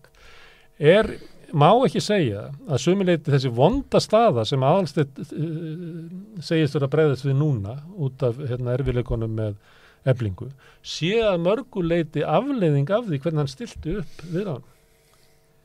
Þetta var laung og flókið spurning. Ég, hef ekki spáð eins vel í þetta og þú, þetta leikja freðlega, en það kann vel að vera og það er náttúrulega augljóst öllu sem hafa fylst með vinnumarkasmálum í einhverja, einhverja ára að sá sem semur fyrstur myndar átt fordæmi eða er talin mynda fordæmi og það bindur hína óbeint þó það eigi ekki að binda þá Já, en verður þá ekki ríkisáttar sem er að gæta Jú, þess að það sé samkomuna sem aðri geta og ég minni á að, að sko samtöks ég vann fyrir lengi þar að segja í ómberageranu þau kvörtuði yfir því áratugum saman ómberastarsmenn, kennarar, BHM og BSB ég var frækastur í BHM þau kvörtuði yfir því að það væri alltaf verið að mynda einhver fordæm út í bæ og svo ættu óbyrri uh, bara að fylgja því fórtæð sem væri komið mm. og þeir, óbyrri starfsmenn sögðu alltaf já, við vorum ekki aðlega þessu, við vorum ekki bóðin með í partíð og, mm. og, og, og höfðu að mínum að til nokkuð til síns máls þannig að auðvitað skiptir máli þessi leikjafræði að því að hann hefur þetta dasgrarvald mm. og stjórnar samkómanum og áherslunum En það veiki líka erindið kakvart BOM eða BSB að segja almenni markaðurinn hefur komist þessu samkómulegu því verðið aðlæða ykkur að því ef að það eru bara 20% af almenna markaðurinn sem er raunverulega gerði í samningin, er það ekki? Já, Hvað segir þú? Já, þetta er, þetta er mikið leikjafræði. Ég, ég, ég hef aldrei lítið þannig á að, að ríkisáltarsemjarinn sko, hann stjórnaði þessu. Heldur miklu frekar að það væru aðalega vinnumarkaðri sem, sem stjórnuði því. Hvert er færi í samflót hvers konar samflottir færi og að þeir stjórnuðu þá frekar ferðinni en, en, og, og yfirleitt var þetta nú þána eins og Gísli lýsir að, að almenni vinnumarkaðurinn tók fórustuna og samdi og það voru þá oft verkamannasambandið sem fór á undan. Stundum í samfloti með innadmönnum og öðrum en, en, en svo voru alltaf hópar sem voru kannski ósáttir, kennarar eða BSRB sem að reyndu þá að, að slíta sig frá og semja öðruvísi tóksta stundum og stundum eftir, eftir kannski miklar fórnir í, í, í verkvöldum en, en að, að ríkisáttarsemjari sko að hann leggji upp línuna fyrir alla eða, eða hugsi eða já seti þetta upp þannig það, það getur vel verið að það hafi þróast hann í svona í setni tíð að, að, að mm. hans hlutverk sé orðið svona stórt og þá er það greinlega bara orðið of stórt núna. Mm. Ebling var búin að vísa áður en um var gengið frá starfsgrænsambandinu þannig að Ebling var komið í húsi á hann Já, og það var náttúrulega greinlegt að, að eblingu, eblingu var bara ekkert sinn. Nei, ekki neitt. Nei, og, og það er mjög undarleg staða. En tilröðinni sem var gerð hérna 96 þegar við vorum að, hvað sé ég, ég var nú bara ekki búin með laganám þegar ég var fenginn til að vera með í að semja nýlög og eitt af því sem við sóttum út til eh, Skandinavíu eins og úrljótturforðum var hérna eitthvað sem hétt Köruplan sem við þýttum sem viðræði á áhullun mm. og það átt að hjálpa aðilum vinnumarkaðarins sjálfum að setja sé, eh, þetta í betra kerfi þannig að menn væri ekki sólaringu saman rétt fyrir verkvalla að reyna að semja um eitthvað heldur byrjuðu fyrr og væri skipilaður en ég er ekki viss um það frekar en Sigurður að sko sátta sem er að hafa svona mikið mikið valda hann eða að velja hópin sem á að gefa tóni Nei, ég finna hann vissi að efling var aðna í húsi mm. og hann vissi það að hann myndi ganga frá starfsgrunnsamlinginu starfs bara Eh, starfsgrunarsambandinu eins og uh, lág á borðinu að þá er þið bara vandi hans meiri að ná saman það er nokkuð augljóst því að, að hérna, uh, samtök aðurlýsins líti á þetta sem fordæmiskefandi samning og, og það er erfitt að fá það upp úr. Og líklega þyrti að fara í verkvall til að ná þeim upp á hjólfurón það var til dæmis það sem ástæðan fyrir því að Ragnar skrifaði undir á sín tíma að til þess að eh, setja þessi ekki þennan samning að þá varstu bara að fara í verkvöld til þess að komast upp úr hjólfurum Já, já, já, já. það er náttúrulega og mm. það hefur verið, sagan segir okkur það auðvitað, mm. að þegar að búið er að setja línutnar og margir komnir inn á þá línu að þá er mjög erfitt að brjótast út mm. það hefur auðvitað tekist ef, ef ákveðin hópur nær nógu mikill í samstöðu og, og bara, bara áttu anda og, og með góður í fórustu að þá er það auðvitað hægt Hérna, að, við fyrir aftur á meðlunartilugunni. Hún er eiginlega tilbóð uh, samtakaturlýsins. Það hefur komið fram að hérna, ebling gerði aðtúasendir við hérna, takstana í starfsgrænsabandinu að hækkanina sem eru mikið til afturbyggðar, því lengur sem átt í störfum að því meiri hækkun ferðu, hendaði ílla sínum hópi og Ég held að Solveig Anna hafi sagt að það munaði sko 20.000 krónum í svona grunnhækkun mm. sem að þyrta að vera öðruvísi til þess að ef að, ef að sáttasemjari hefði tekið tillit til þessa og raða töflunni meira í áttin á því sem efling hefði verið, hefði til að verið betri? Ekki spurning. Væntanlega. Ekki spurning. Ef það er mikil starfsmann að velta hjá eblingu Já. hér, þá er það ástæðan fyrir því að þetta Það breytir það einhvern veginn um svona matþitt á svona lögmæti eða Nei. forsögunni. Ekki lögmætinu, ég meina Nei. það þurfti að ráðgast, Já. dómari munnkorti er aldrei og sennilega ekki ráð þeirra heldur fara hún í efnisleitt mats sátta sem er, já. Hann geti bent á að rá, ráðfærslan var þarna að tekið var tilliti til hérna krafna eflingar. Já, ég meina ef að, ef að sátt sem er hefði til ebling heyrðu, nú er ég húsum að leggja fram ekki eftir ádegið heldur á Já. morgun þessa Mm. tillögu hérna og ebling myndi segja, já, mér líst nú illa á það en þetta væri þó skömminni skára ef að tablan væri svona, það væri ráðfersla eða Mm. samráð þá væri þetta bæði efnislega betra og, og, og lögmættra Efling hefði líklega ekki gert það því að hún var að ansnúin miðlunartillugunni bara yfir höfuð. Taldi ekki vera tímabært að, já, að færa deilun en þennan.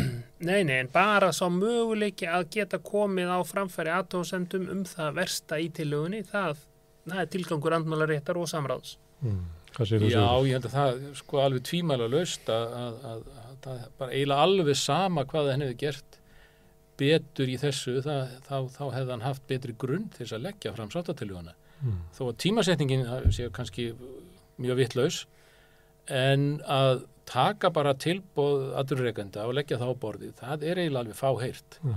Og særi svona réttlættiskend almennings. Já, það, það, það gerir það og, og líka það að einmitt að, að starfgrunarsambandi var með aðrar áherslur heldur en ebling, það er öðruvísi samsetning í, í félagahóknum Eh, fiskverkafólk fekk uh, góða hækkun umfram aðra núna Mm.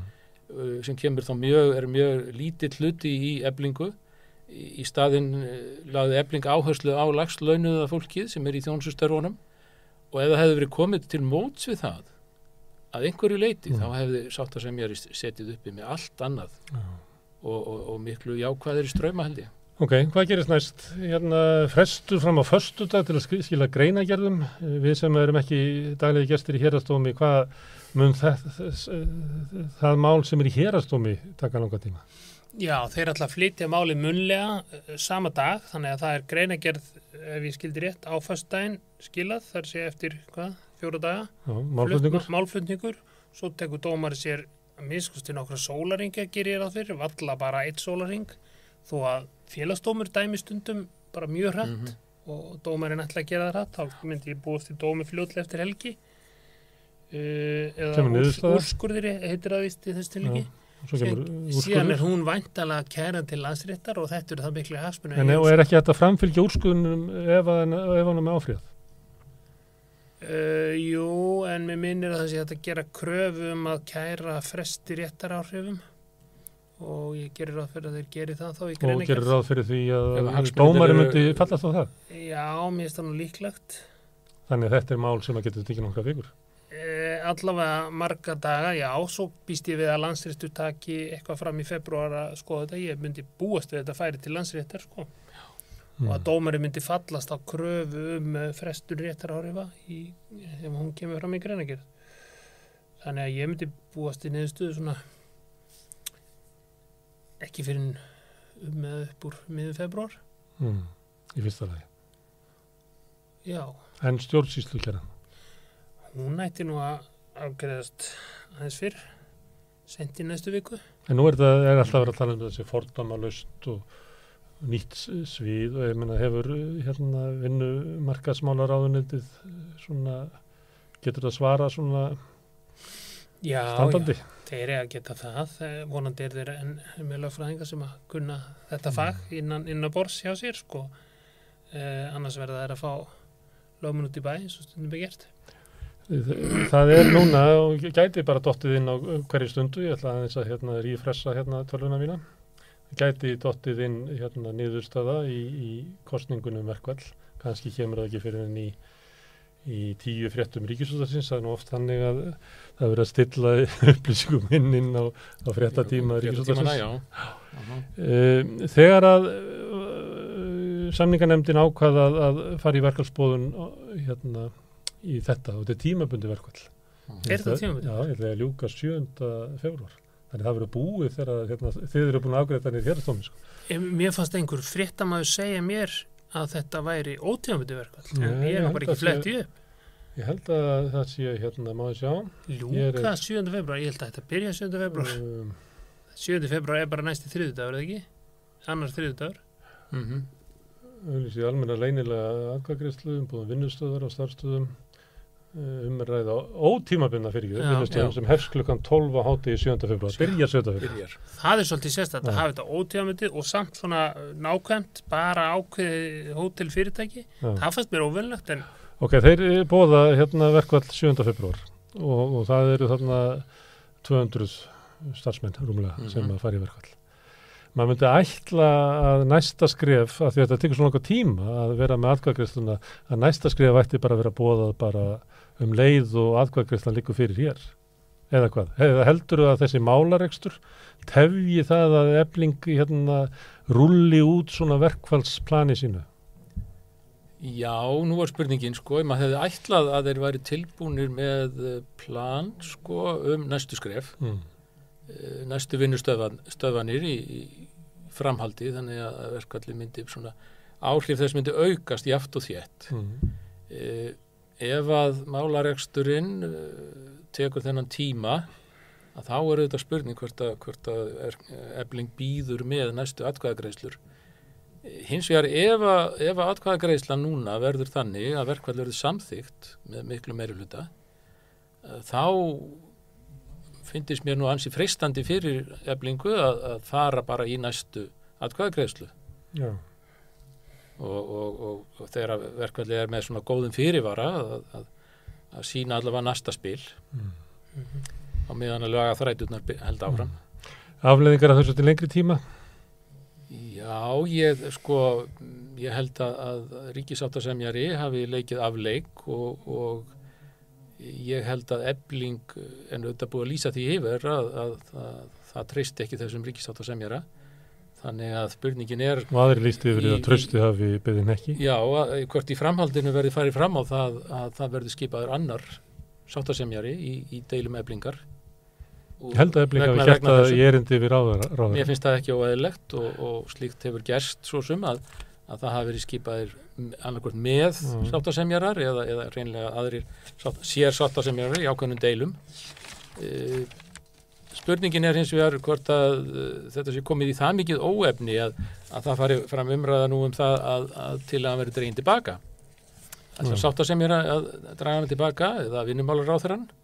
já, sko Hver er stjórnvald þá hans, hver er þá hans staða? Já, ég meina, eins og ég segi, þessi óvænta stjórnsýslukjara, hún hefur uh, það, þau rauk sem ég nefndi að það vantar þessa sjálfstæðis yfirlýsingu Mm. í lög um, um sem aðrir sáttsemjara. hafa reynda vittna til að sé. Já, Meðal já, annars hérna ásmundur. já, já, bara því að allir held að þannig væri það, en svo þegar ég fór að leita það ákvæðin, þá fann ég það ekki. og svo sá ég í stjórnsýslukjarinu að það var bara bent á að það vantaði í, í ákvæðin. Nú, uh, Þannig að stendur- tal ráðherrana og ásmundar og fleiri um sjálfstæði ríkis sáttasemir er bara rámt. Já, það er allavega ekki þetta hefbunna lögbunna og þá gilda vantala stjórnsýslulögin og stjórnarskráin bara um málskottsréttir á þeirra. Þannig að hann verður að gjöra svo vel að raukst eða það vel ef hann ætlar ekki taka uh, afstöðu til stjórnsýslukjöruna, vinnumarkaðsar á þeirran. Uh, en uh, síðan er í, á, í lögunum hefur lengi verið sko ákvæð um að sátta sem er að þurfa að vera óháður og, og, og óvilhallur og nú er hann orðin að mati einstæsta stéttafélagslandsins vilhallur eða að En það getur að- alltaf verið nóg ef það er eitthvað deilur og ég segi bara að því að mér líkar ekki Nei, nei, að en, en, en sem sagt, það eru uh, og mörg stéttasamtök hafa tekið Já, undir að hafi já. sko hlaupið á sig þannig að Mm. mér finnst ekkit ólíklegt það sem að Sigurður nefnir að hafa verið settur sérstakur sáttasemur í þessum deilum meðan, meðan þetta lægir, vindana lægir sko. Mm. Og hann læri bara sína leksju og mæti svo í haust við, uh, eða það er náttúrulega opið starfsmenn og allt saman á leiðinu til hans. Ef það verður ekki list áður. Já, já, einmitt. Og mjög ólíklegt er umvel að list áður því að það eru alls konar kröfur þótt að menn segi að þeir séu til í samninga í svona formi skamtímasamningana að þá kemur alltaf eitthvað en við þurfum að lagfæringu á tökstónum hérna, við þurfum að lagfæringu í vinnutíma og alls konar hlutir sem eru flóknir. Langtíma eh, áhrif af hérna trösti á embettið eða trösti á aðalstinn? Ég held hann, uh, já, það verður allavega eitthvað að gerast til þess að vinni aftur tröst og, og eins og þú segir, sko, eh, það eru samningar núna bara strax í mars, april, mæ, ofnberi starfsmenn, kennarar og, og, og, BHM held ég ríka og, það eru sko stanslösi samningar í gangi og, þetta, þetta lofar náttúrulega ekki góðu upp á framhaldið en, en þannig að það lítur að vera mikið verk að vinna hjá honum. Mm.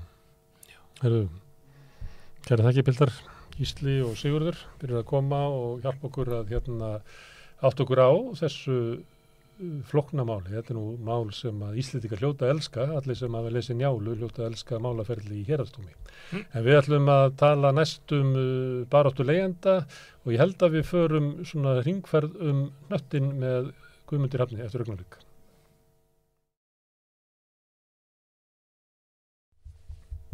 Herðu, leyendur eru í baráttu út um allan heim og það sem að barátta leyenda á Íslandi er svona rétt að byrja aftur. Hún er náttúrulega ásýrið eitthvað sögu og íslenski leyendur hafa barist en oftu við bara að í að þá er eh, gott og holdt fyrir okkur íslenska leyendur að horfa til útlanda og aðtöða hvernig þeim hérna gengur. Og hann er komin yngi aftur, hann Guðmundur Argrímsson við ætlum að fara ekki á 40 dögum í kringun höttin en við ætlum að svona eh, stökka, við ætlum að fara til Manchester fyrst Já, við töluðum um það hérna síðast að uh, nefendur í Manchester, við háskólanum í Manchester voru konir í leiguverkfall. Aftur? Já, eftir, voru það síðast 2020 og gekk vel og, og náðu þar að framkalla uh, lækkun á kostnaði við, uh, húsnæðiskostnaði sem saraði held í 11 miljón pund, sem var gríðalegur árangur og 30% lækkun á húsalegu. Voru konir aftur núni í verkfall og uh, það er bara gangur á þeim, ég er að fylgjast með þeim á Twitter og og það bætist alltaf í hópin fleiri og fleiri nefndur sem að skrá sig í verkvallið og núna er komin svona herrferð á neti þar sem að nefndur eru að sína myndir af, af hérna, greiðslu áskorun skól, mm. skólans, það er að segja eh, svona sanna fyrir um, umheiminum að þeir taka sannlega þátt í, í verkvallinu með því að, að byrta þessar greiðslu áskorunar mm. nú sem eru þá útburðar hótur með það? Nei, þetta er bara áskorunni frá skólauguvöldum um að, að borga leiguna og, hérna, og það eru alltaf fleiri fleiri sem eru að byrta þessa myndir. Og það eru ykkur, nokkur hundruð mann sem að taka á aktívan hátt þátt í þessu. Það er gaman að fylgjast með þeim á Twitter og það er ekki bara nefnendur sem eru konur í verkvall heldur líka eru núna kennarar og starfsmenn bara því við erum að tala um verkefælismann nú eru kennarar og starfsmenn við skólan konur í verkvall voru búin að búa til átján daga verkfalls núna í februar og mars og uh, krefjast uh, þess að náttúrulega fá kjarabætur. Mm. þannig að það, ég hitti líka fólk á förnum fegi í, í borgin í dag þar sem ég stóð fyrir utan hérastóm uh, frá Englandi sem sæði að samfélagi logaði allt í verkfalli þar. Já. og hérna var hiss á því að það var eitthvað svona kjaraparta sem hefði farið úrskeiðis hérna á Íslandi. Ég hafði alltaf mynd af Íslandi sem eitthvað svona fyrirmyndaríki. Fyrirmyndar þá að hafa aldrei verkvöldu það Já, það er svona að minnst að kosti eins og við lístum fyrir þeim að deilan var komið fyrir hér að stóma þetta komið spánst fyrir sjónir að deilan hefur ratað þarna. Þeim hérna litu á Ísland sem einhvers svona fyrirmyndastað sem svona hlutur vikingus ekki en þannig að, að staðin þannig í mannsestir að það er svona bæðir eru nefnöndukonur í, í greiðsleverkvall og svo eru starfsmenn og kennarkonur í verkvall sjálfur Já, og landi logar í, í verkvallsátökum út af Eh, cost of living crisis sem við kalla sem Já, hefur verið framfærslu kreppa og ekki síst húsnæðis smálunum sko. Herðu, við hefum að fara til Los Angeles Já, svo er Los Angeles ég hérna, las mér næst til um uh, hvernig uh, staðan er þar. þar þar hafa líka verið mikið af uh, leguverkvöldum og það voru í, ja, í Kaliforníu Uh, veit ég um þrjú dæmi frá því fyrir það sem að voru leiguverkvöld og gengur þau öllu upp.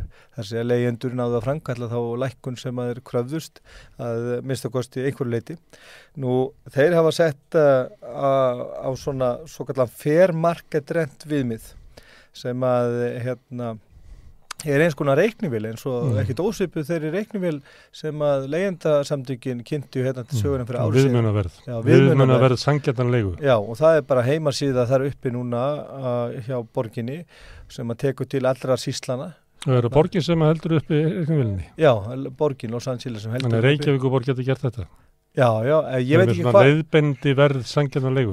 Ég veit eins og er ekki hvernig, bara hvernig stjórnarskráin er hérna í bandaríkjánu, hvort að, hérna, hvort að hún sé þannig að, að borgirna hafi ríkari heimildir ég veit ekki hvernig það er hérna, ég veit til dæmis eins og við Þau geta sett á leigu þakk borginnar í bandaríunum. Já og þau gerðu, borgir hafa gert þetta í mm -hmm. Evrópu þó að sömstar hefur verið afturrega með það og þetta hefur þurft að fara fyrir domstóla og þetta hefur þurft að koma frá, frá þjóðþingunum. Mm. Ég veit eins og ekki hvernig þetta er en þetta virðist verið þannig að borginnar hafa... Kosið mannst ekki í St. Paul eða ekki? Jú, St. Paul og, mm. og Boston líka síðastu höst mm. og það er nú einmitt líka verið að hérna, auka svona vendlegenda í Boston mm. og ég hérna hlið fleið kannski frekar frettir af því setna en ég var að lesa frettið þaðan í dag. Og hvað er að gera til Los Angeles? En Los Angeles, það er eins og segið, það hefur verið kynnt til þetta fair market rent viðmið sem mm. að gildi þá fyrir alla sístöðun hann í borginni á þessu svæði og það hefur líka verið kynnta til ákveðna reglur sem að e, sko vegna þess að þetta fermarkett viðmið það e, nær til hækkana á e, húsalegu þar segja svona sem að ef að legusalega vilja hækka húsalegu á einu svona ári eins og einu gætna viðmiði að þá nær þetta fermarkett rent viðmið yfir þá hækkun. Það er enþá vandamál með hækkun við endur nýjum samninga. En það er orðið þannig ef að húsalega hækkar meiri 10% eða ef hann hækkar meira heldur en eh, verðbólka pluss 5% og leiðandi þarf að flytja út þá þarf leigusalinn að borga leiðandanum sem sarar þremu mánuðum á húsalegu pluss einn mánuð í svokullu viðmiðunarverði sem er legsta eh, svona grunnleiguverðið mm. uh, í svona fluttningsstyrk þannig að ef að leiðandi þarf að flýja vegna ofhás húsalegu þá þarf leigusalinn að borga fyrir það og það myndi jafnkilda því að leigusalarni þurft að borga leiðendunum með alltaf svona cirka miljón sem að þurftu þá að borga leiðendunum og er þetta um að íslenski leiðendur sko séu í hláturskasti að lusta á það Þeir veit þetta svo ótrúlega á skjön við það hvernig eh, valdahlutin eru og íslensku legum Já, þetta er vel að merka að gerast í Los Angeles svona mm. í þar sem við myndum kannski alltaf að væri svona höfuborg kapitalismas mm. að þarna minnst að kosti hérna sjáðu þeir sína sæng uppbreyta og vita hvernig ástand er húsnæðansmarkanum og hafa bara tekið sér til og ætla sér að verja legendur og þetta er að gerast í hérna í Los Angeles uh, við förum að annan sólreikanstað Ítalíu og þá er þetta sól á Ítalíu núna, er ekki uh, kallt í Ítalíu? Já, svona að öllu jöfnu er nú sólvitt á Ítalíu en þar voruð er að koma núna bara, það er að koma februar Já, já, en við hugsaum nú oft tangað en uh, þar uh, bara er að bera þregnir af því að það er að fækka íbúðum í kerfi sem þeir hafa viðhaldi í áratöyu sem heitir svo kallar buy, nei, rent to buy. Mm. það er að segja að það hefur verið kerfi við líði og hefur verið uh, mjög svona umfásmikið þar sem að leyendur geta gert 25 ára leigusamninga og gert svo samning við uh, leigusalan um að fá að kaupa íbúðina. Þannig að leigan renni inn sem Já, það rennur leigan öll inn sem mm. uh, innborgunin og íbúðina. Nú það er fækkar íbúðum í þessi kerfi Uh, og er það að því að svo margir sem kaupa þessu út úr þessu nei það er rakið til húsnæðiskreppu sem er, er á Ítalíu líka núna þar sé að það eru færri og færri aðilar, þetta eru oft stopnarnir og félög sem hafa verið með þetta, sagt, með þetta svona bæ, eh, rent og bækerfi að það eru fleiri fyrir spákaupmenn sem konn inn í það að byggja húsnæði sem vilja ekki setja íbúðunar inn í þetta kerfi. Það er að segja, það eru færri sem eru viljur til þess að hérna, vera inn í þessi kerfi. Mm. Uh, nú, ég heyrist á svona með að lesa ítalska meðla að það séu svona viðbröð uh, hérna vonand, er svo vantanleg frá ríki, ríkinu eða yfirvöldum, það er mm. bara eðast við þessu vegna þess að þetta hefur verið stór og merkilegu þáttur og mikilvæg þáttur í húsnæðismálum í Ítalíu. Það er að segja að leyendur geti þá leikt íbúður í 25 ár, ég held að segja 5 ára á hámarki mm. og þá renni þá sér 5 ára að leiga upp í kaupverðið og leyendur. Það er að segja með einhverju fyrirvara ég ætla að þessu yfir í kaup. Já þú getur skrifað í samlingi frá mm. uppafið eða þá komið þá fram eftir mm. eh, hérna, ákveðin tíma og upp að fimm ára leiga getur þá gengið upp mm. það fækkar íbúðum í þessu en það er vantarlega, vantarlega eitthvað viðbröð við því um, Það er margt hérna, snjált í Ídalíu það eru með hérna, eitt kerfi í kringum aturlösisbætur að ef að þú ert á aturlösisbótum að þá getur sagt, uh, sótt um það að stopna fyrirtæki og þá fara aturlösisbætu þínar í eitt ár eða tvö ár sem eiginlega framlag til, hérna, til þess að þú getur stopnað fyrirtæki. Já, og, það, og þetta er bundi því að, að ég get ekki gert þetta einn en ég geti svona, því að þú ert líka aðlunus geti ég svona fengið því að við getum búið til svona eins konar svona samvinnufélag. Ég man ekki hvort að það séu lámarki tveir eða þrýr og upp í eitthvað 20 sem geta gert þetta. Þannig ef að þokkalur hópur tekur sér saman að þá getur það náð inn e, já, svo, svo til öllum launakostnaði fyrstu tvö árin. Mm. Og, og árangurinn af þessu kerfi er vist alveg frábær af því að það er hérna auðvitað er það þannig að hinn atvinnuleysi er líklegast til þess að búa til atvinnu, ekki hérna formað uh, forstjóri fíatvegsmiðunar sem er alltaf bara að reyna að skera niður og raunverulega stórfyrirtæki eru bara alltaf að fækka Já, störfum, já. þau eru ekki að búa til störf. Flest störf er það til bara hjá einirkjum og, og smáum fyrirtækjum. En þetta er líka svona í Katalúni, nákvæmlega sama kerfi, þar sem að þú getur fengið fyrirframgreitt Já, tveggja ára atvinninsbætur til þess að stopna fyrirtæki Mm. og fara út í engar ekstur, stopna eitthvað konar, ég, ég veit ekki, svona smá fyrirtæki. Þannig að þú getur fengið þetta fyrirframgreitt uh, tveggja ára greiðslu. það er gaman að heyra að Dilja og Mist og Brynja Níelsson detúa sig yfir svona hugmyndum Já, já, Já. en það er hérna Heyrðu, Þá fyrir við til Kanada, ég, legg til Kanada Já, Kanada. fyrir eh, þetta land í hugumargra Já, Þar er er húsnæðskreppa líka og þar eru er, er talað um að, að hérna, umsvið spákaupmanna á húsnæðsmarkaði sé orðin allt og mikil og nú hafa nokkuð fylki uh, tekið upp uh, svona uh, regluverk strángara regluverk á legumarkanum og þar meðal til dæmis Ontario og Brekka Kolumbía þau hafa sett fram viðmið um hækkun á húsalegu í Ontario er hámars hækkun á húsalegu 2,5% á ári. Í Bresku Kolumbíu er uh, 2% að hámark. Uh, Breska Kolumbíu fór líka þá leið að banna hækkanir við endurníðin samninga þar segja Mm. ekki bara hækkun hérna, sagt, árlega hækkun vísitölu tengda eða svona, svona verðbólgu tengda leigu uh, hækkun heldur líka að nú hérna, er mega leigusalar ekki hækka húsalegu í þrjú ár Þannig að þarna eru viðbrögð stjórnvalda við þeirri húsnæðskriðis sem að ríkir í Kanada. Um, nú ef við höldum áfram bara töl, tala eins um vísitölu tengingar, Mm. þá hefur skapast hérna smá umræðu um uh, vísitölu tengingar almennt fyrir húsalegu samninga. Ég hef verið að skoða hvernig fyrirkomulegið er uh, bæði Vestanhafs og hérna á meginlandi Evrópu, hvernig uh, þessar hátta með vísitölu tenginga vísitölu tengingar á húsalegu samningum og allstaðar þar sem ég hef leitað og ég hef ekki fundið þetta einasta land fyrir utan Ísland þar sem að vísitölu tengingar eru lagðar á húsalegu samninga í hverju mánuði. Mm. Uh, í öllum þeim löndum sem ég leita fyrir mér og eru nú orðin ansi mörg að þá eru vísitölu tengingar og húsalegu samninga einungis lagðar á einu sinni á ári Mm.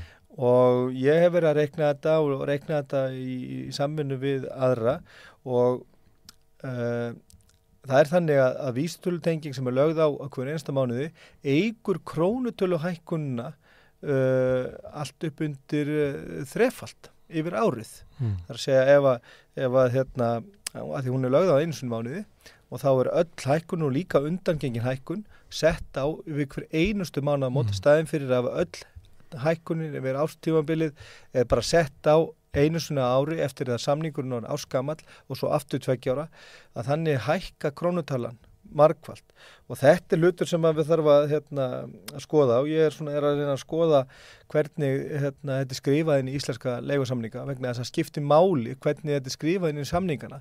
Eh, það er ekki nóg að segja þessu verðtriðir samningarnir eða vístölu tengdir heldur líka hvernig vísutalinn er reiknuð. Ég fekk uh, skjál frá uh, aðila sem að, hérna, hefur verið að spá mikið í þessu sem að hérna, Einnig svona þauðmálputta útrýring já, segjum að þessi íbúð á 250 skrúnur og í, Spáni að þá, e, og það er 10% verðbólka og Spáni er heimilt að hækka hana einu svona ári þannig að eftir eitt ár, þegar verðbólka búið að vera 10% í eitt ár, að þá kemur 25.000 krónar hækkun. Já. Á Íslandi það sem var hækkað allan tíman. Að þá borgaði leigjandin á Íslandi 150.000 krónur til hérna, leigusalans á leiðinni Já. áður en komað hækkunni. já, Þetta eru svona hlutvöldin cirkabott. já, þetta er það sem að hérna, það er nákvæmlega svona sem Mm. þetta hérna, er hérna á Íslandi umfram öll önnur lönd sem ég hefur skoðað Mm. og þetta er náttúrulega mj- mjög Kerfið hér er alltaf, svo, það er svo gott fyrir leigu sala.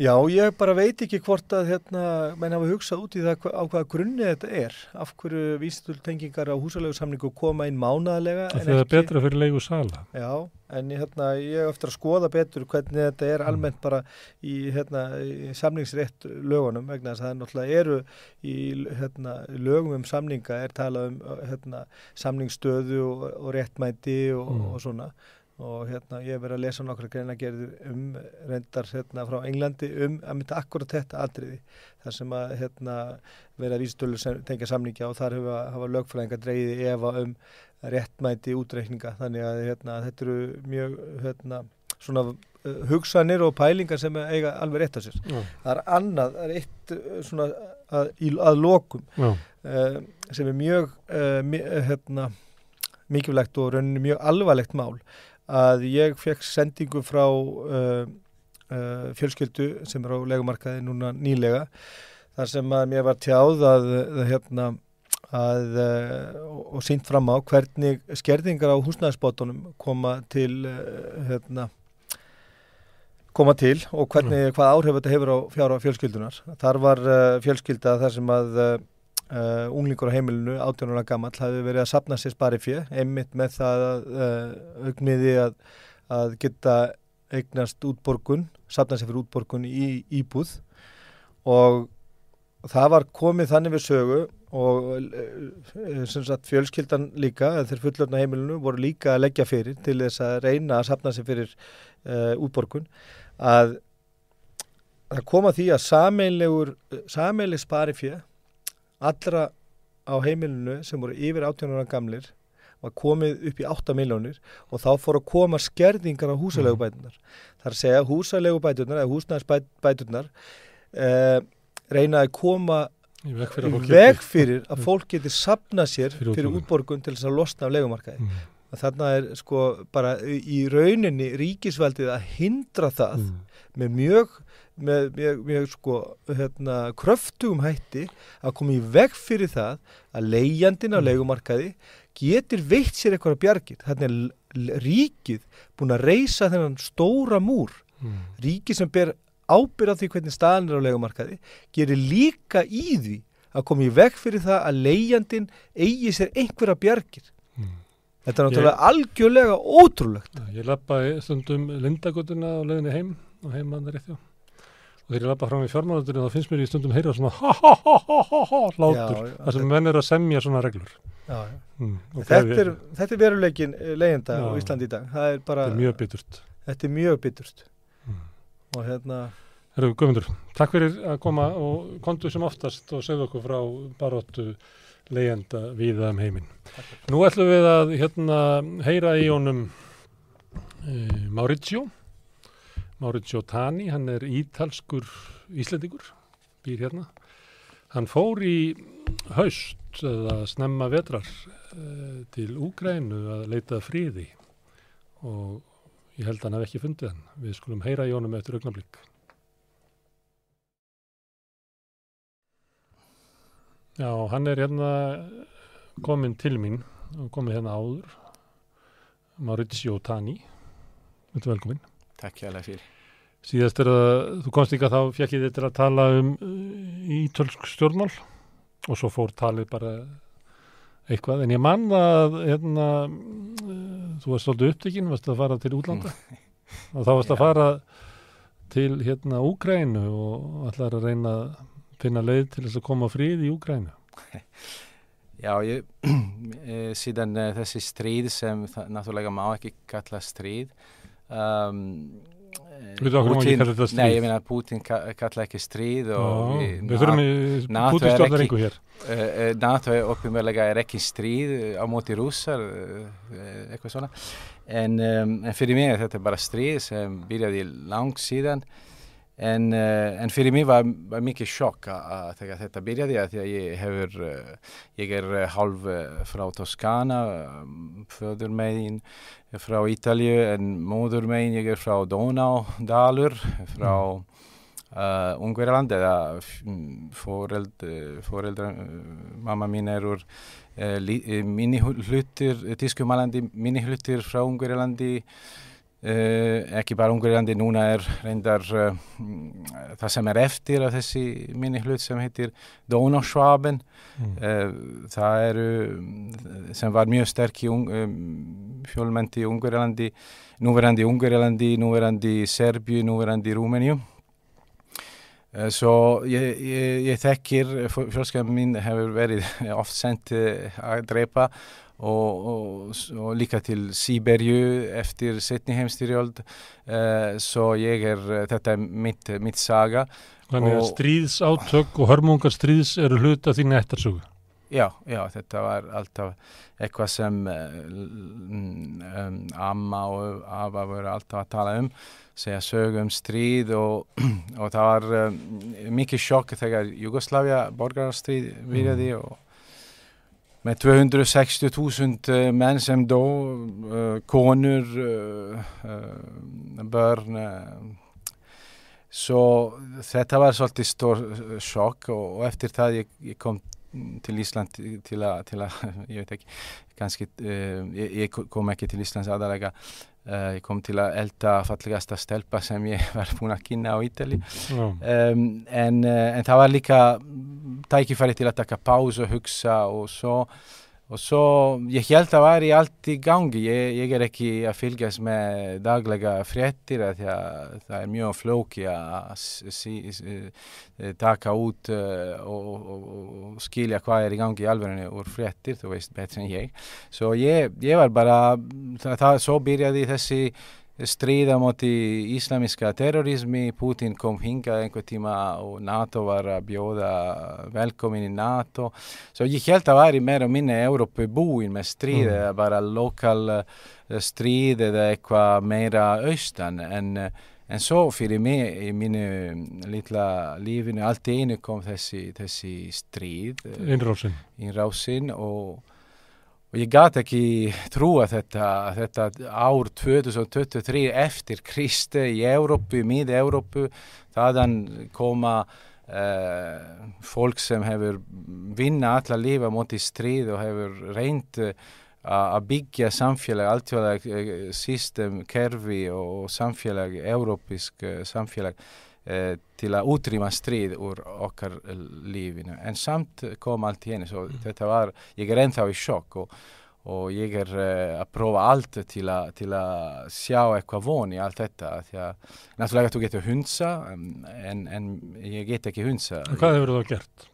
Já, það er ekki mikið fyrir miður ég fór uh, Um, í kringlum uh, Amali uh, Mahatma Gandhi var uh, um, svona, kar, kar, svona karavana svona lest af fólk sem veru að fara til, frá Ítali til Úkrænu með alls konar um, hjálpar um, efni, född og allt þetta en, samt, en þetta var á vegum svona kampæn, svona reyfing sem heitir Stop the War Now sem er um, haldin áfram á, ég man ekki hvað, margar hundra félag svona um, uh, stopnun og á meðan uh, stærsta uh, menningarstopnun sem eru meira tengt til vinstri hreyfing en, en samt katolskar eins og um, skátar líka, katolska, mm. katolska, ská, katolska skátar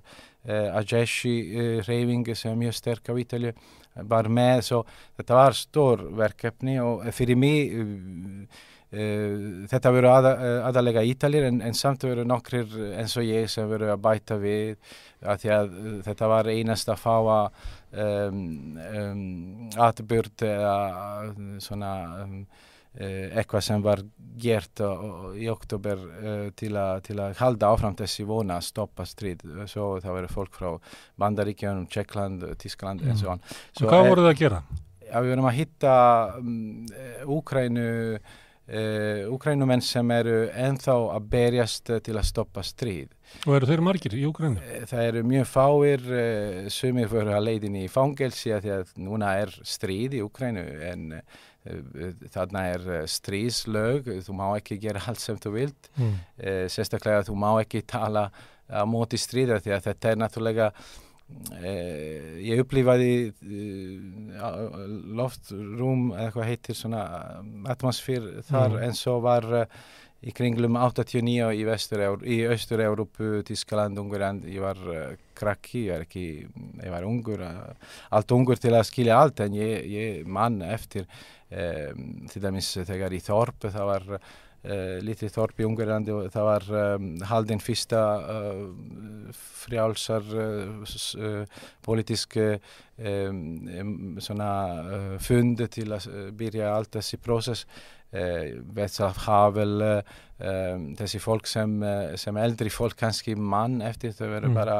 lífandi fólk fyrir mig um, ég fór til Berlína þegar uh, ég fretti að var að uh, opnast og reyndar um, uh, Berlína múrar eða svona járntjald eða hvað heitir mm. opnast fyrst í Ungverlandi svo Ungverland, Berlín var svolítið um, í, þar var í, sama, sama um, atmosfér sem ég var að sjá í, í Ukrænu Og hvað svona landrúmsloftfall? Landrúmsloft bara ung fólk á götu svona stemning að við erum að gera sögu svo, og var það þannig sem þú upplýðir Úkrænu núna í höst? Já, þau sem eru eftir, þau sem eru ekki sitjandi heim um, aðalega ungmenn Eh, sem eru búin að taka yfir svolítið land uh, og þau reyna líka sennilega stjórn að senda þessi image. Þegar þú fer til dæmis með lest uh, frá Przemysh, uh, síðasta borg í Pólandi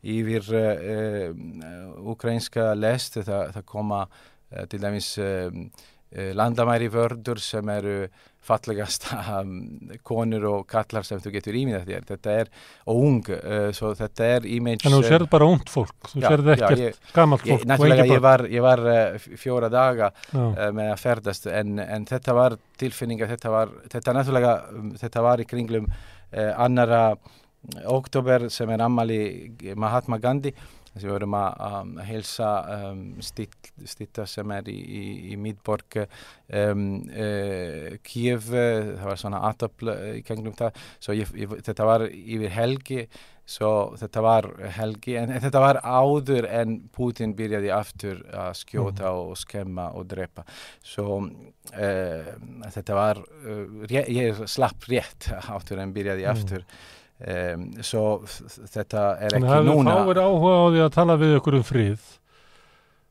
í Úgrænu Já, já, það var erfitt En af hverju er, eru þið að fara inn í Úgrænu að, að tala fólkin á að stefna friði þegar enginn hefur áhuga á því? Með að þú ekki bara meina, fara þá leið sem að þau vilja fara? Ég fór náttúrulega til, a, til að reyna að koma í samband við þessi frídarreyfingar mm. Eh, ég hefur aldrei verið ég er núna búin að smá að vinna í fríðarhefingu eh, á Íslandi.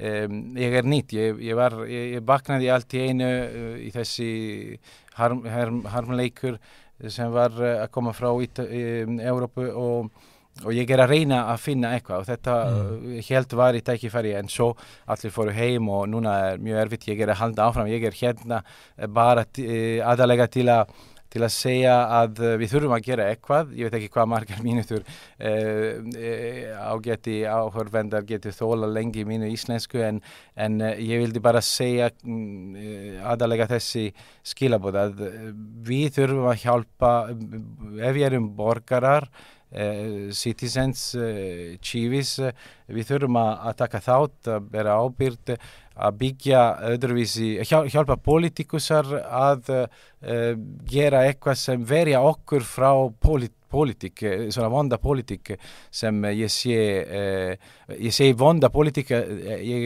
ég, ég ber fullt vindlingu fyrir allir það sem er að gera, hjálpa Ukrænumenn um, en um, Ukraina er fyrir mig eins og var Ungverland 1956 uh, så þetta er sama, meira og minna sama uh, sí, uh, harmleikur. En samt þur, við þurfum að gera eitthvað til að koma í veg fyrir því að ég held að veru að gera eitthvað til að lenda ekki aftur, að setja ekki aftur konur, ung fólk, allir í svona ástand. Ekki forna fólki í stíði. Já, forna. Við, við erum alltaf að, borga brúsa, við þurfum að gera eitthvað. Þetta er ekki... Hvað getur þetta eitthvað verið? Hvað getur við gert? Já, ég veit ekki, ég, þú ætla kannski að hjálpa, ég, ég, er ekki, ég er bara með spurningar. Mm. En, en ég get náttúrulega koma með eitthvað hugmyndi, búin að læra eitthvað um sögu Európu og, og en, en, um, en mér finnst þetta mikilvægt að tala hér í Reykjavík uh, um fríð og reyna allt sem við getum til að ekki bara segja við, við erum fyrir fríð heldur byggja því að fríð er, er, er mjög, mjög erfitt uh, verkefni og við þurfum að en ég held að það getur verið mjög gott að byrja aftur það sem við verum sett 11. oktober 1986 þegar Reagan og Gorbachev kom hingað í höfda se, uh, drauma við getum spóla tilbaka, revinda allt og segja hvað getum við, hvað gerði við, við hvað, hvað við verum að gera fyrsta spór í stríð, í áttunni stríð en ekki fríð mm. uh, og svo um, horfa kannski á nokkra dæmi sem, sem koma um svipað ástand þegar er eitthvað land sem tvær ríki vilja fá bæði og, og getur ekki tala saman um, uh, það eru, já, fyrst svo reyna að vinna til að byggja svona um, menning af samtal, dialog mm. um, og, og, horfa á dæmi eins og Óland eiga uh, þegar Svíjar og Finnland voru uh, á móti hvort annað eftir fyrsta heimstyrjóldu það var reynd að gera The League of Nations uh, þjóðarbandalagi, ég veit ekki hvað heitir. Mm, United Nations til dæmis virkar ekki. Mm. það er byggt á eitthvað finnst mér populisti hugtök eins og sjálfstæði þjóðar. Það týðir mm. ekki neitt, við þurfum að vinna En Máris, þú þurfur að fara til í, hérna Úgrænu og vilt tala um fríð. Það eru fáir sem að vilja tala um fríð við þig. Hvernig er það gengið í Reykjavík? Vilja Íslandikar tala við þig um fríð já, eða já, eru vilja Íslandikar bara tala um stríð? Ég held þau svara alveg eins finnst mér eða ég þurfa að kanna betur en í Úgrænu þau verður að segja fríð, já fríð um, rétt, rétt svona ju eh, justice já, um, réttlátur friður. Re, re, þannig að fyrst verður þú að vinna stríðið já, og þá kemur friður. Pax Romana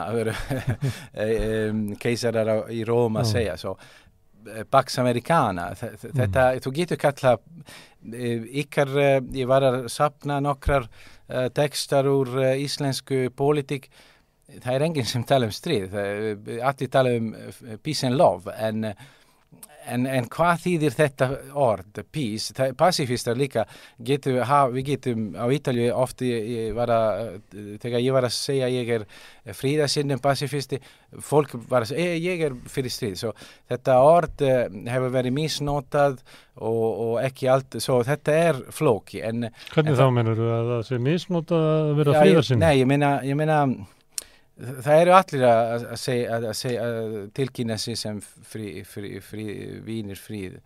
En, en svo við þurfum að gera vel, það, það fer eftir, það skiptir ekki hvað þú gerir, hvernig þú gerir, svo þú getur vera endalus að segja við, við viljum fríð. En, en svo í, í alverðunni þú gerir ekki neitt eða ekki nóg mikið eða ekki allt sem þú getur til að, veit það, hafið var alltaf að tala um um, vald um, the power of the, of the powerless um, mm. þau sem á ekki formlega á ekki vald þau hefur mikið vald svo ofta er bara litli skref sem við þurfum að gera allir saman og ég er hér til að til að bjóða Íslandingar að vera í sam, setja sér í sambandi áður að ég kemur að dingla í, í, í, til ykkar en svo var einu sinni sagt Eh, strí, í Jugoslavestri það var skrí, eh, svona mm, grín sem sagði veistu hvað er nýjasta turista slogan Serbar, eh, Jugoslavia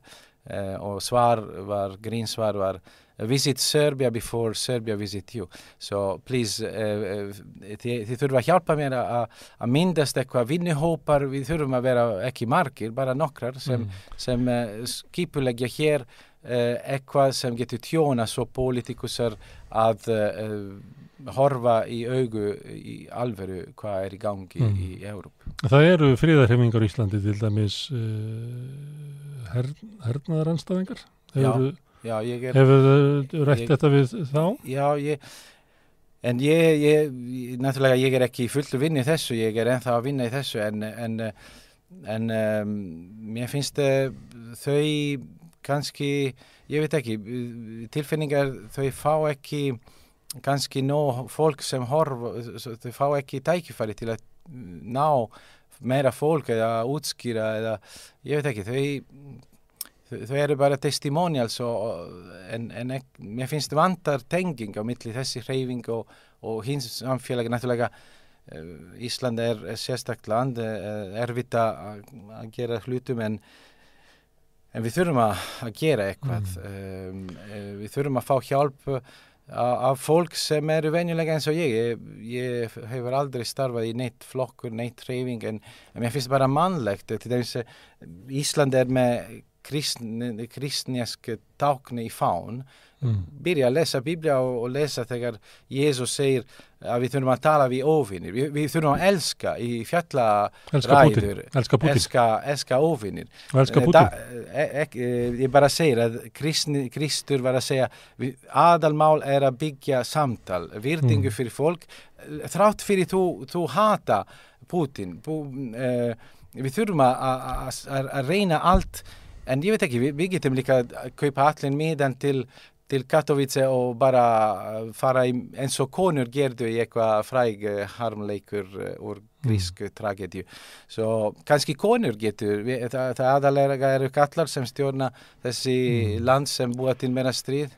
En segðu mér, þegar þú ert að tala um fyrir friði og segist þú að friða sinni, færðu þá viðbröðið svo að þú sért þá í rauninni að styðja Putin og hernarusa? Nei, nei, þau, þau veit að ég er, ég er búin að fara í gegnum uh, mikið Putin-style politician så þau, þau finna getum ekki stoppa og þetta er partur af eitthvað eitthva dasgrá sem í endan myndi vera gott fyrir okkur að því að okkar menning er byggt á stríð. Við erum að ferðast með þótar sem veru þróað á setni heimstyrjöld og, og svo stríð er uh, svona uh, eitthvað sem þú má tala um og, en við erum endalessi stríð eftir uh, fransk, franska uh, bilding það var endalessi stríð. Það, við erum að útrýma Európu, við erum út Hitler var besta um, hvernig segja maður leirlingur leir, hvernig segja maður? Leirlingur um, um, fórseti bandaríkjan Wilson, uh, að því að Wilson kom til Európu uh, til að uh, segja eitt land, eitt þjóð eitt, eitt tungumál, eitt þjóð, eitt ríki. Svo Hitler, eh, ég skal gera með ég skal vera með. Og hann draf allir sem eru ekki hreint þjóðverjar. Svo þetta er þetta er flóki núna eru, við verum alltaf að tala eitthvað um Trump. Og svo núna kemur þessi nýjasta sem svo fer beint í stríð. Svo þetta er, þetta er stór verkefni, svo ég, ég er ekki með neitt svar, ég er ekki með neitt, en ég er hérna tilbúin að vera með og, og reyna að koma úr þessu, undirbúa Vi, núna við erum komin of seint til, til að stoppa þessi stríð, sérlega. Vonandi þetta verður ekki síðasta stríð, vonandi þau fara ekki eitthvað kjarnorku sprenging. Um, en, um, en sennilega þau eru búin að plana eitthvað annað stríð meira austan. Svo við þurfum að, byrja til dæmis að læra tungumál þeirra, menningar þeirra, að því að rússar Um, ég eh, var oft með tilfinning að eh, sérstaklega í fjölskylda mín það sem er mikið rússi á móti stefning að þau veru oft sendt til Sýberju að þau veru bara með tísk nafn. Um, þau og, og 1849 átta Ungverjaland veru að berjast fyrir sjálfstæði svo kom 100.000 rúsneska hermenn og, og það var allt búinn parti. Svo rússar eru svona. Rússar, eh, Rúsland er, er keisaradæmi. Vi, við þurfum að líka að byrja að vera í takt við orð og sögu eh, rússar. Ef við þurfum að útskýra að hjálpa Rúsland að breytast í eitthvað demokratísk samfélag, við þurfum að taka uh, skref við skref eins og, eins og í skólan. Þú, þú fer ekki beint frá le leikskóli upp í háskóli. Þetta er eitthvað prósess sem tekur tíma en ég sé að þegar við Íslendingar líka, í stað til að senda fólk að læra að vera að senda bankastjórar til að, til að taka pening ef ég skildi rétt fyrir, fyrir á myndli 2001 2008 veru Íslandingar kapitalista eins og Marx og því mynd kalla að fara að business í Rúsland sem var að leidilegja land og, og dreipa fólk. En, en í stað til að gera þetta við þurftum að fara þarna að læra til dæmis ég, þetta, ég er að gera þetta. Ég er að læra uh, smá rúsneska og rúsneska menning og ég, ég fann rosalega falleg ríðavundur og, politikus sem hétt Alexander uh, Ivanovich Herzen hann, hann er betri än Marx, vill man säga. Han, han är eh, socialist med hjärta, demokratisk republikani och, och han var um, um, att skriva rosalega flott bækur um hvernig við þurfum að byggja, breyta, uh, gera demokratisk Európu. Hann var á móti rúss, uh, hann var að stýdja pólverjar þegar þau voru að hann var russi en, en samt að stýdja pólverjar á móti russa því að hann vissi eh, að við þurfum að, að bera virdingu fyrir allar þjóðar. Svo mm. við þurfum að byrja mjög langt, ég veit ekki, þetta er stór verkefni en við þurfum, annars við lendum í, í eitthvað alltaf eitthvað eitthvað stríð og hann er vondur, Putin er vondur en, en dæn áður var vínur eh, saman með Saddam eh, eftir hugsa um Íran eh, Mohamed Mossadegh var eh, dem, demokratislega valdur fórsett í Íran, Persja sínu og, og Churchill sem var eh, ofta kallað svona hetjudemokrata hann var að búa til um, svona púts til að leggja nýður kom Shah sem svo uh, var uh, ekki svo góður, það kom Khomeini frá Paris, Khomeini var lengi í Paris og þetta er allt sama leik þau mm. segja hann er vondur eftir uh, að hafa sagt að hann er góður svo mm. ég, ég, ég, ég er þreytur, ég þóli ekki þetta þetta, mm. er, þetta er á að vera fljótleika búin en við þurfum að vinna saman mm. Erðu Móritsjó Tanni Afsakið að ég var að tala svo mikið Erðu, Takk fyrir að staldra þetta við rauðaborðið í leitinni að friði og kannski einhverjum til þess að, að vinna með þér í því að, að, að byggja upp frið. Takk hjá Lefir, ég vona það. Herðu, þá segjum við þetta gott í kvöld. Ég minn ykkur á að aðstofa okkur við að byggja upp dreifikerfi samstöðunar. Það gerir það með því að dreifa efnin okkar, læka síðunar á Facebook og YouTube. Þið sem að viljið styðja uppbyggingu samstöðunar geta gengið í alltíðufélagi. Það er gert inn á samstöðum.is. Það er nappur sem heitir skráning Þú getur gengið í aldríðufélagið og félagsskjöldi eru 2000 krónur á mánuði sem er eins konar áskrift að samstöðinni. Rauðaborði verður hér aftur á sama tíma morgun klukkan 8. Þá tökum við fyrir allt önnur mál og ég segi góða nótt.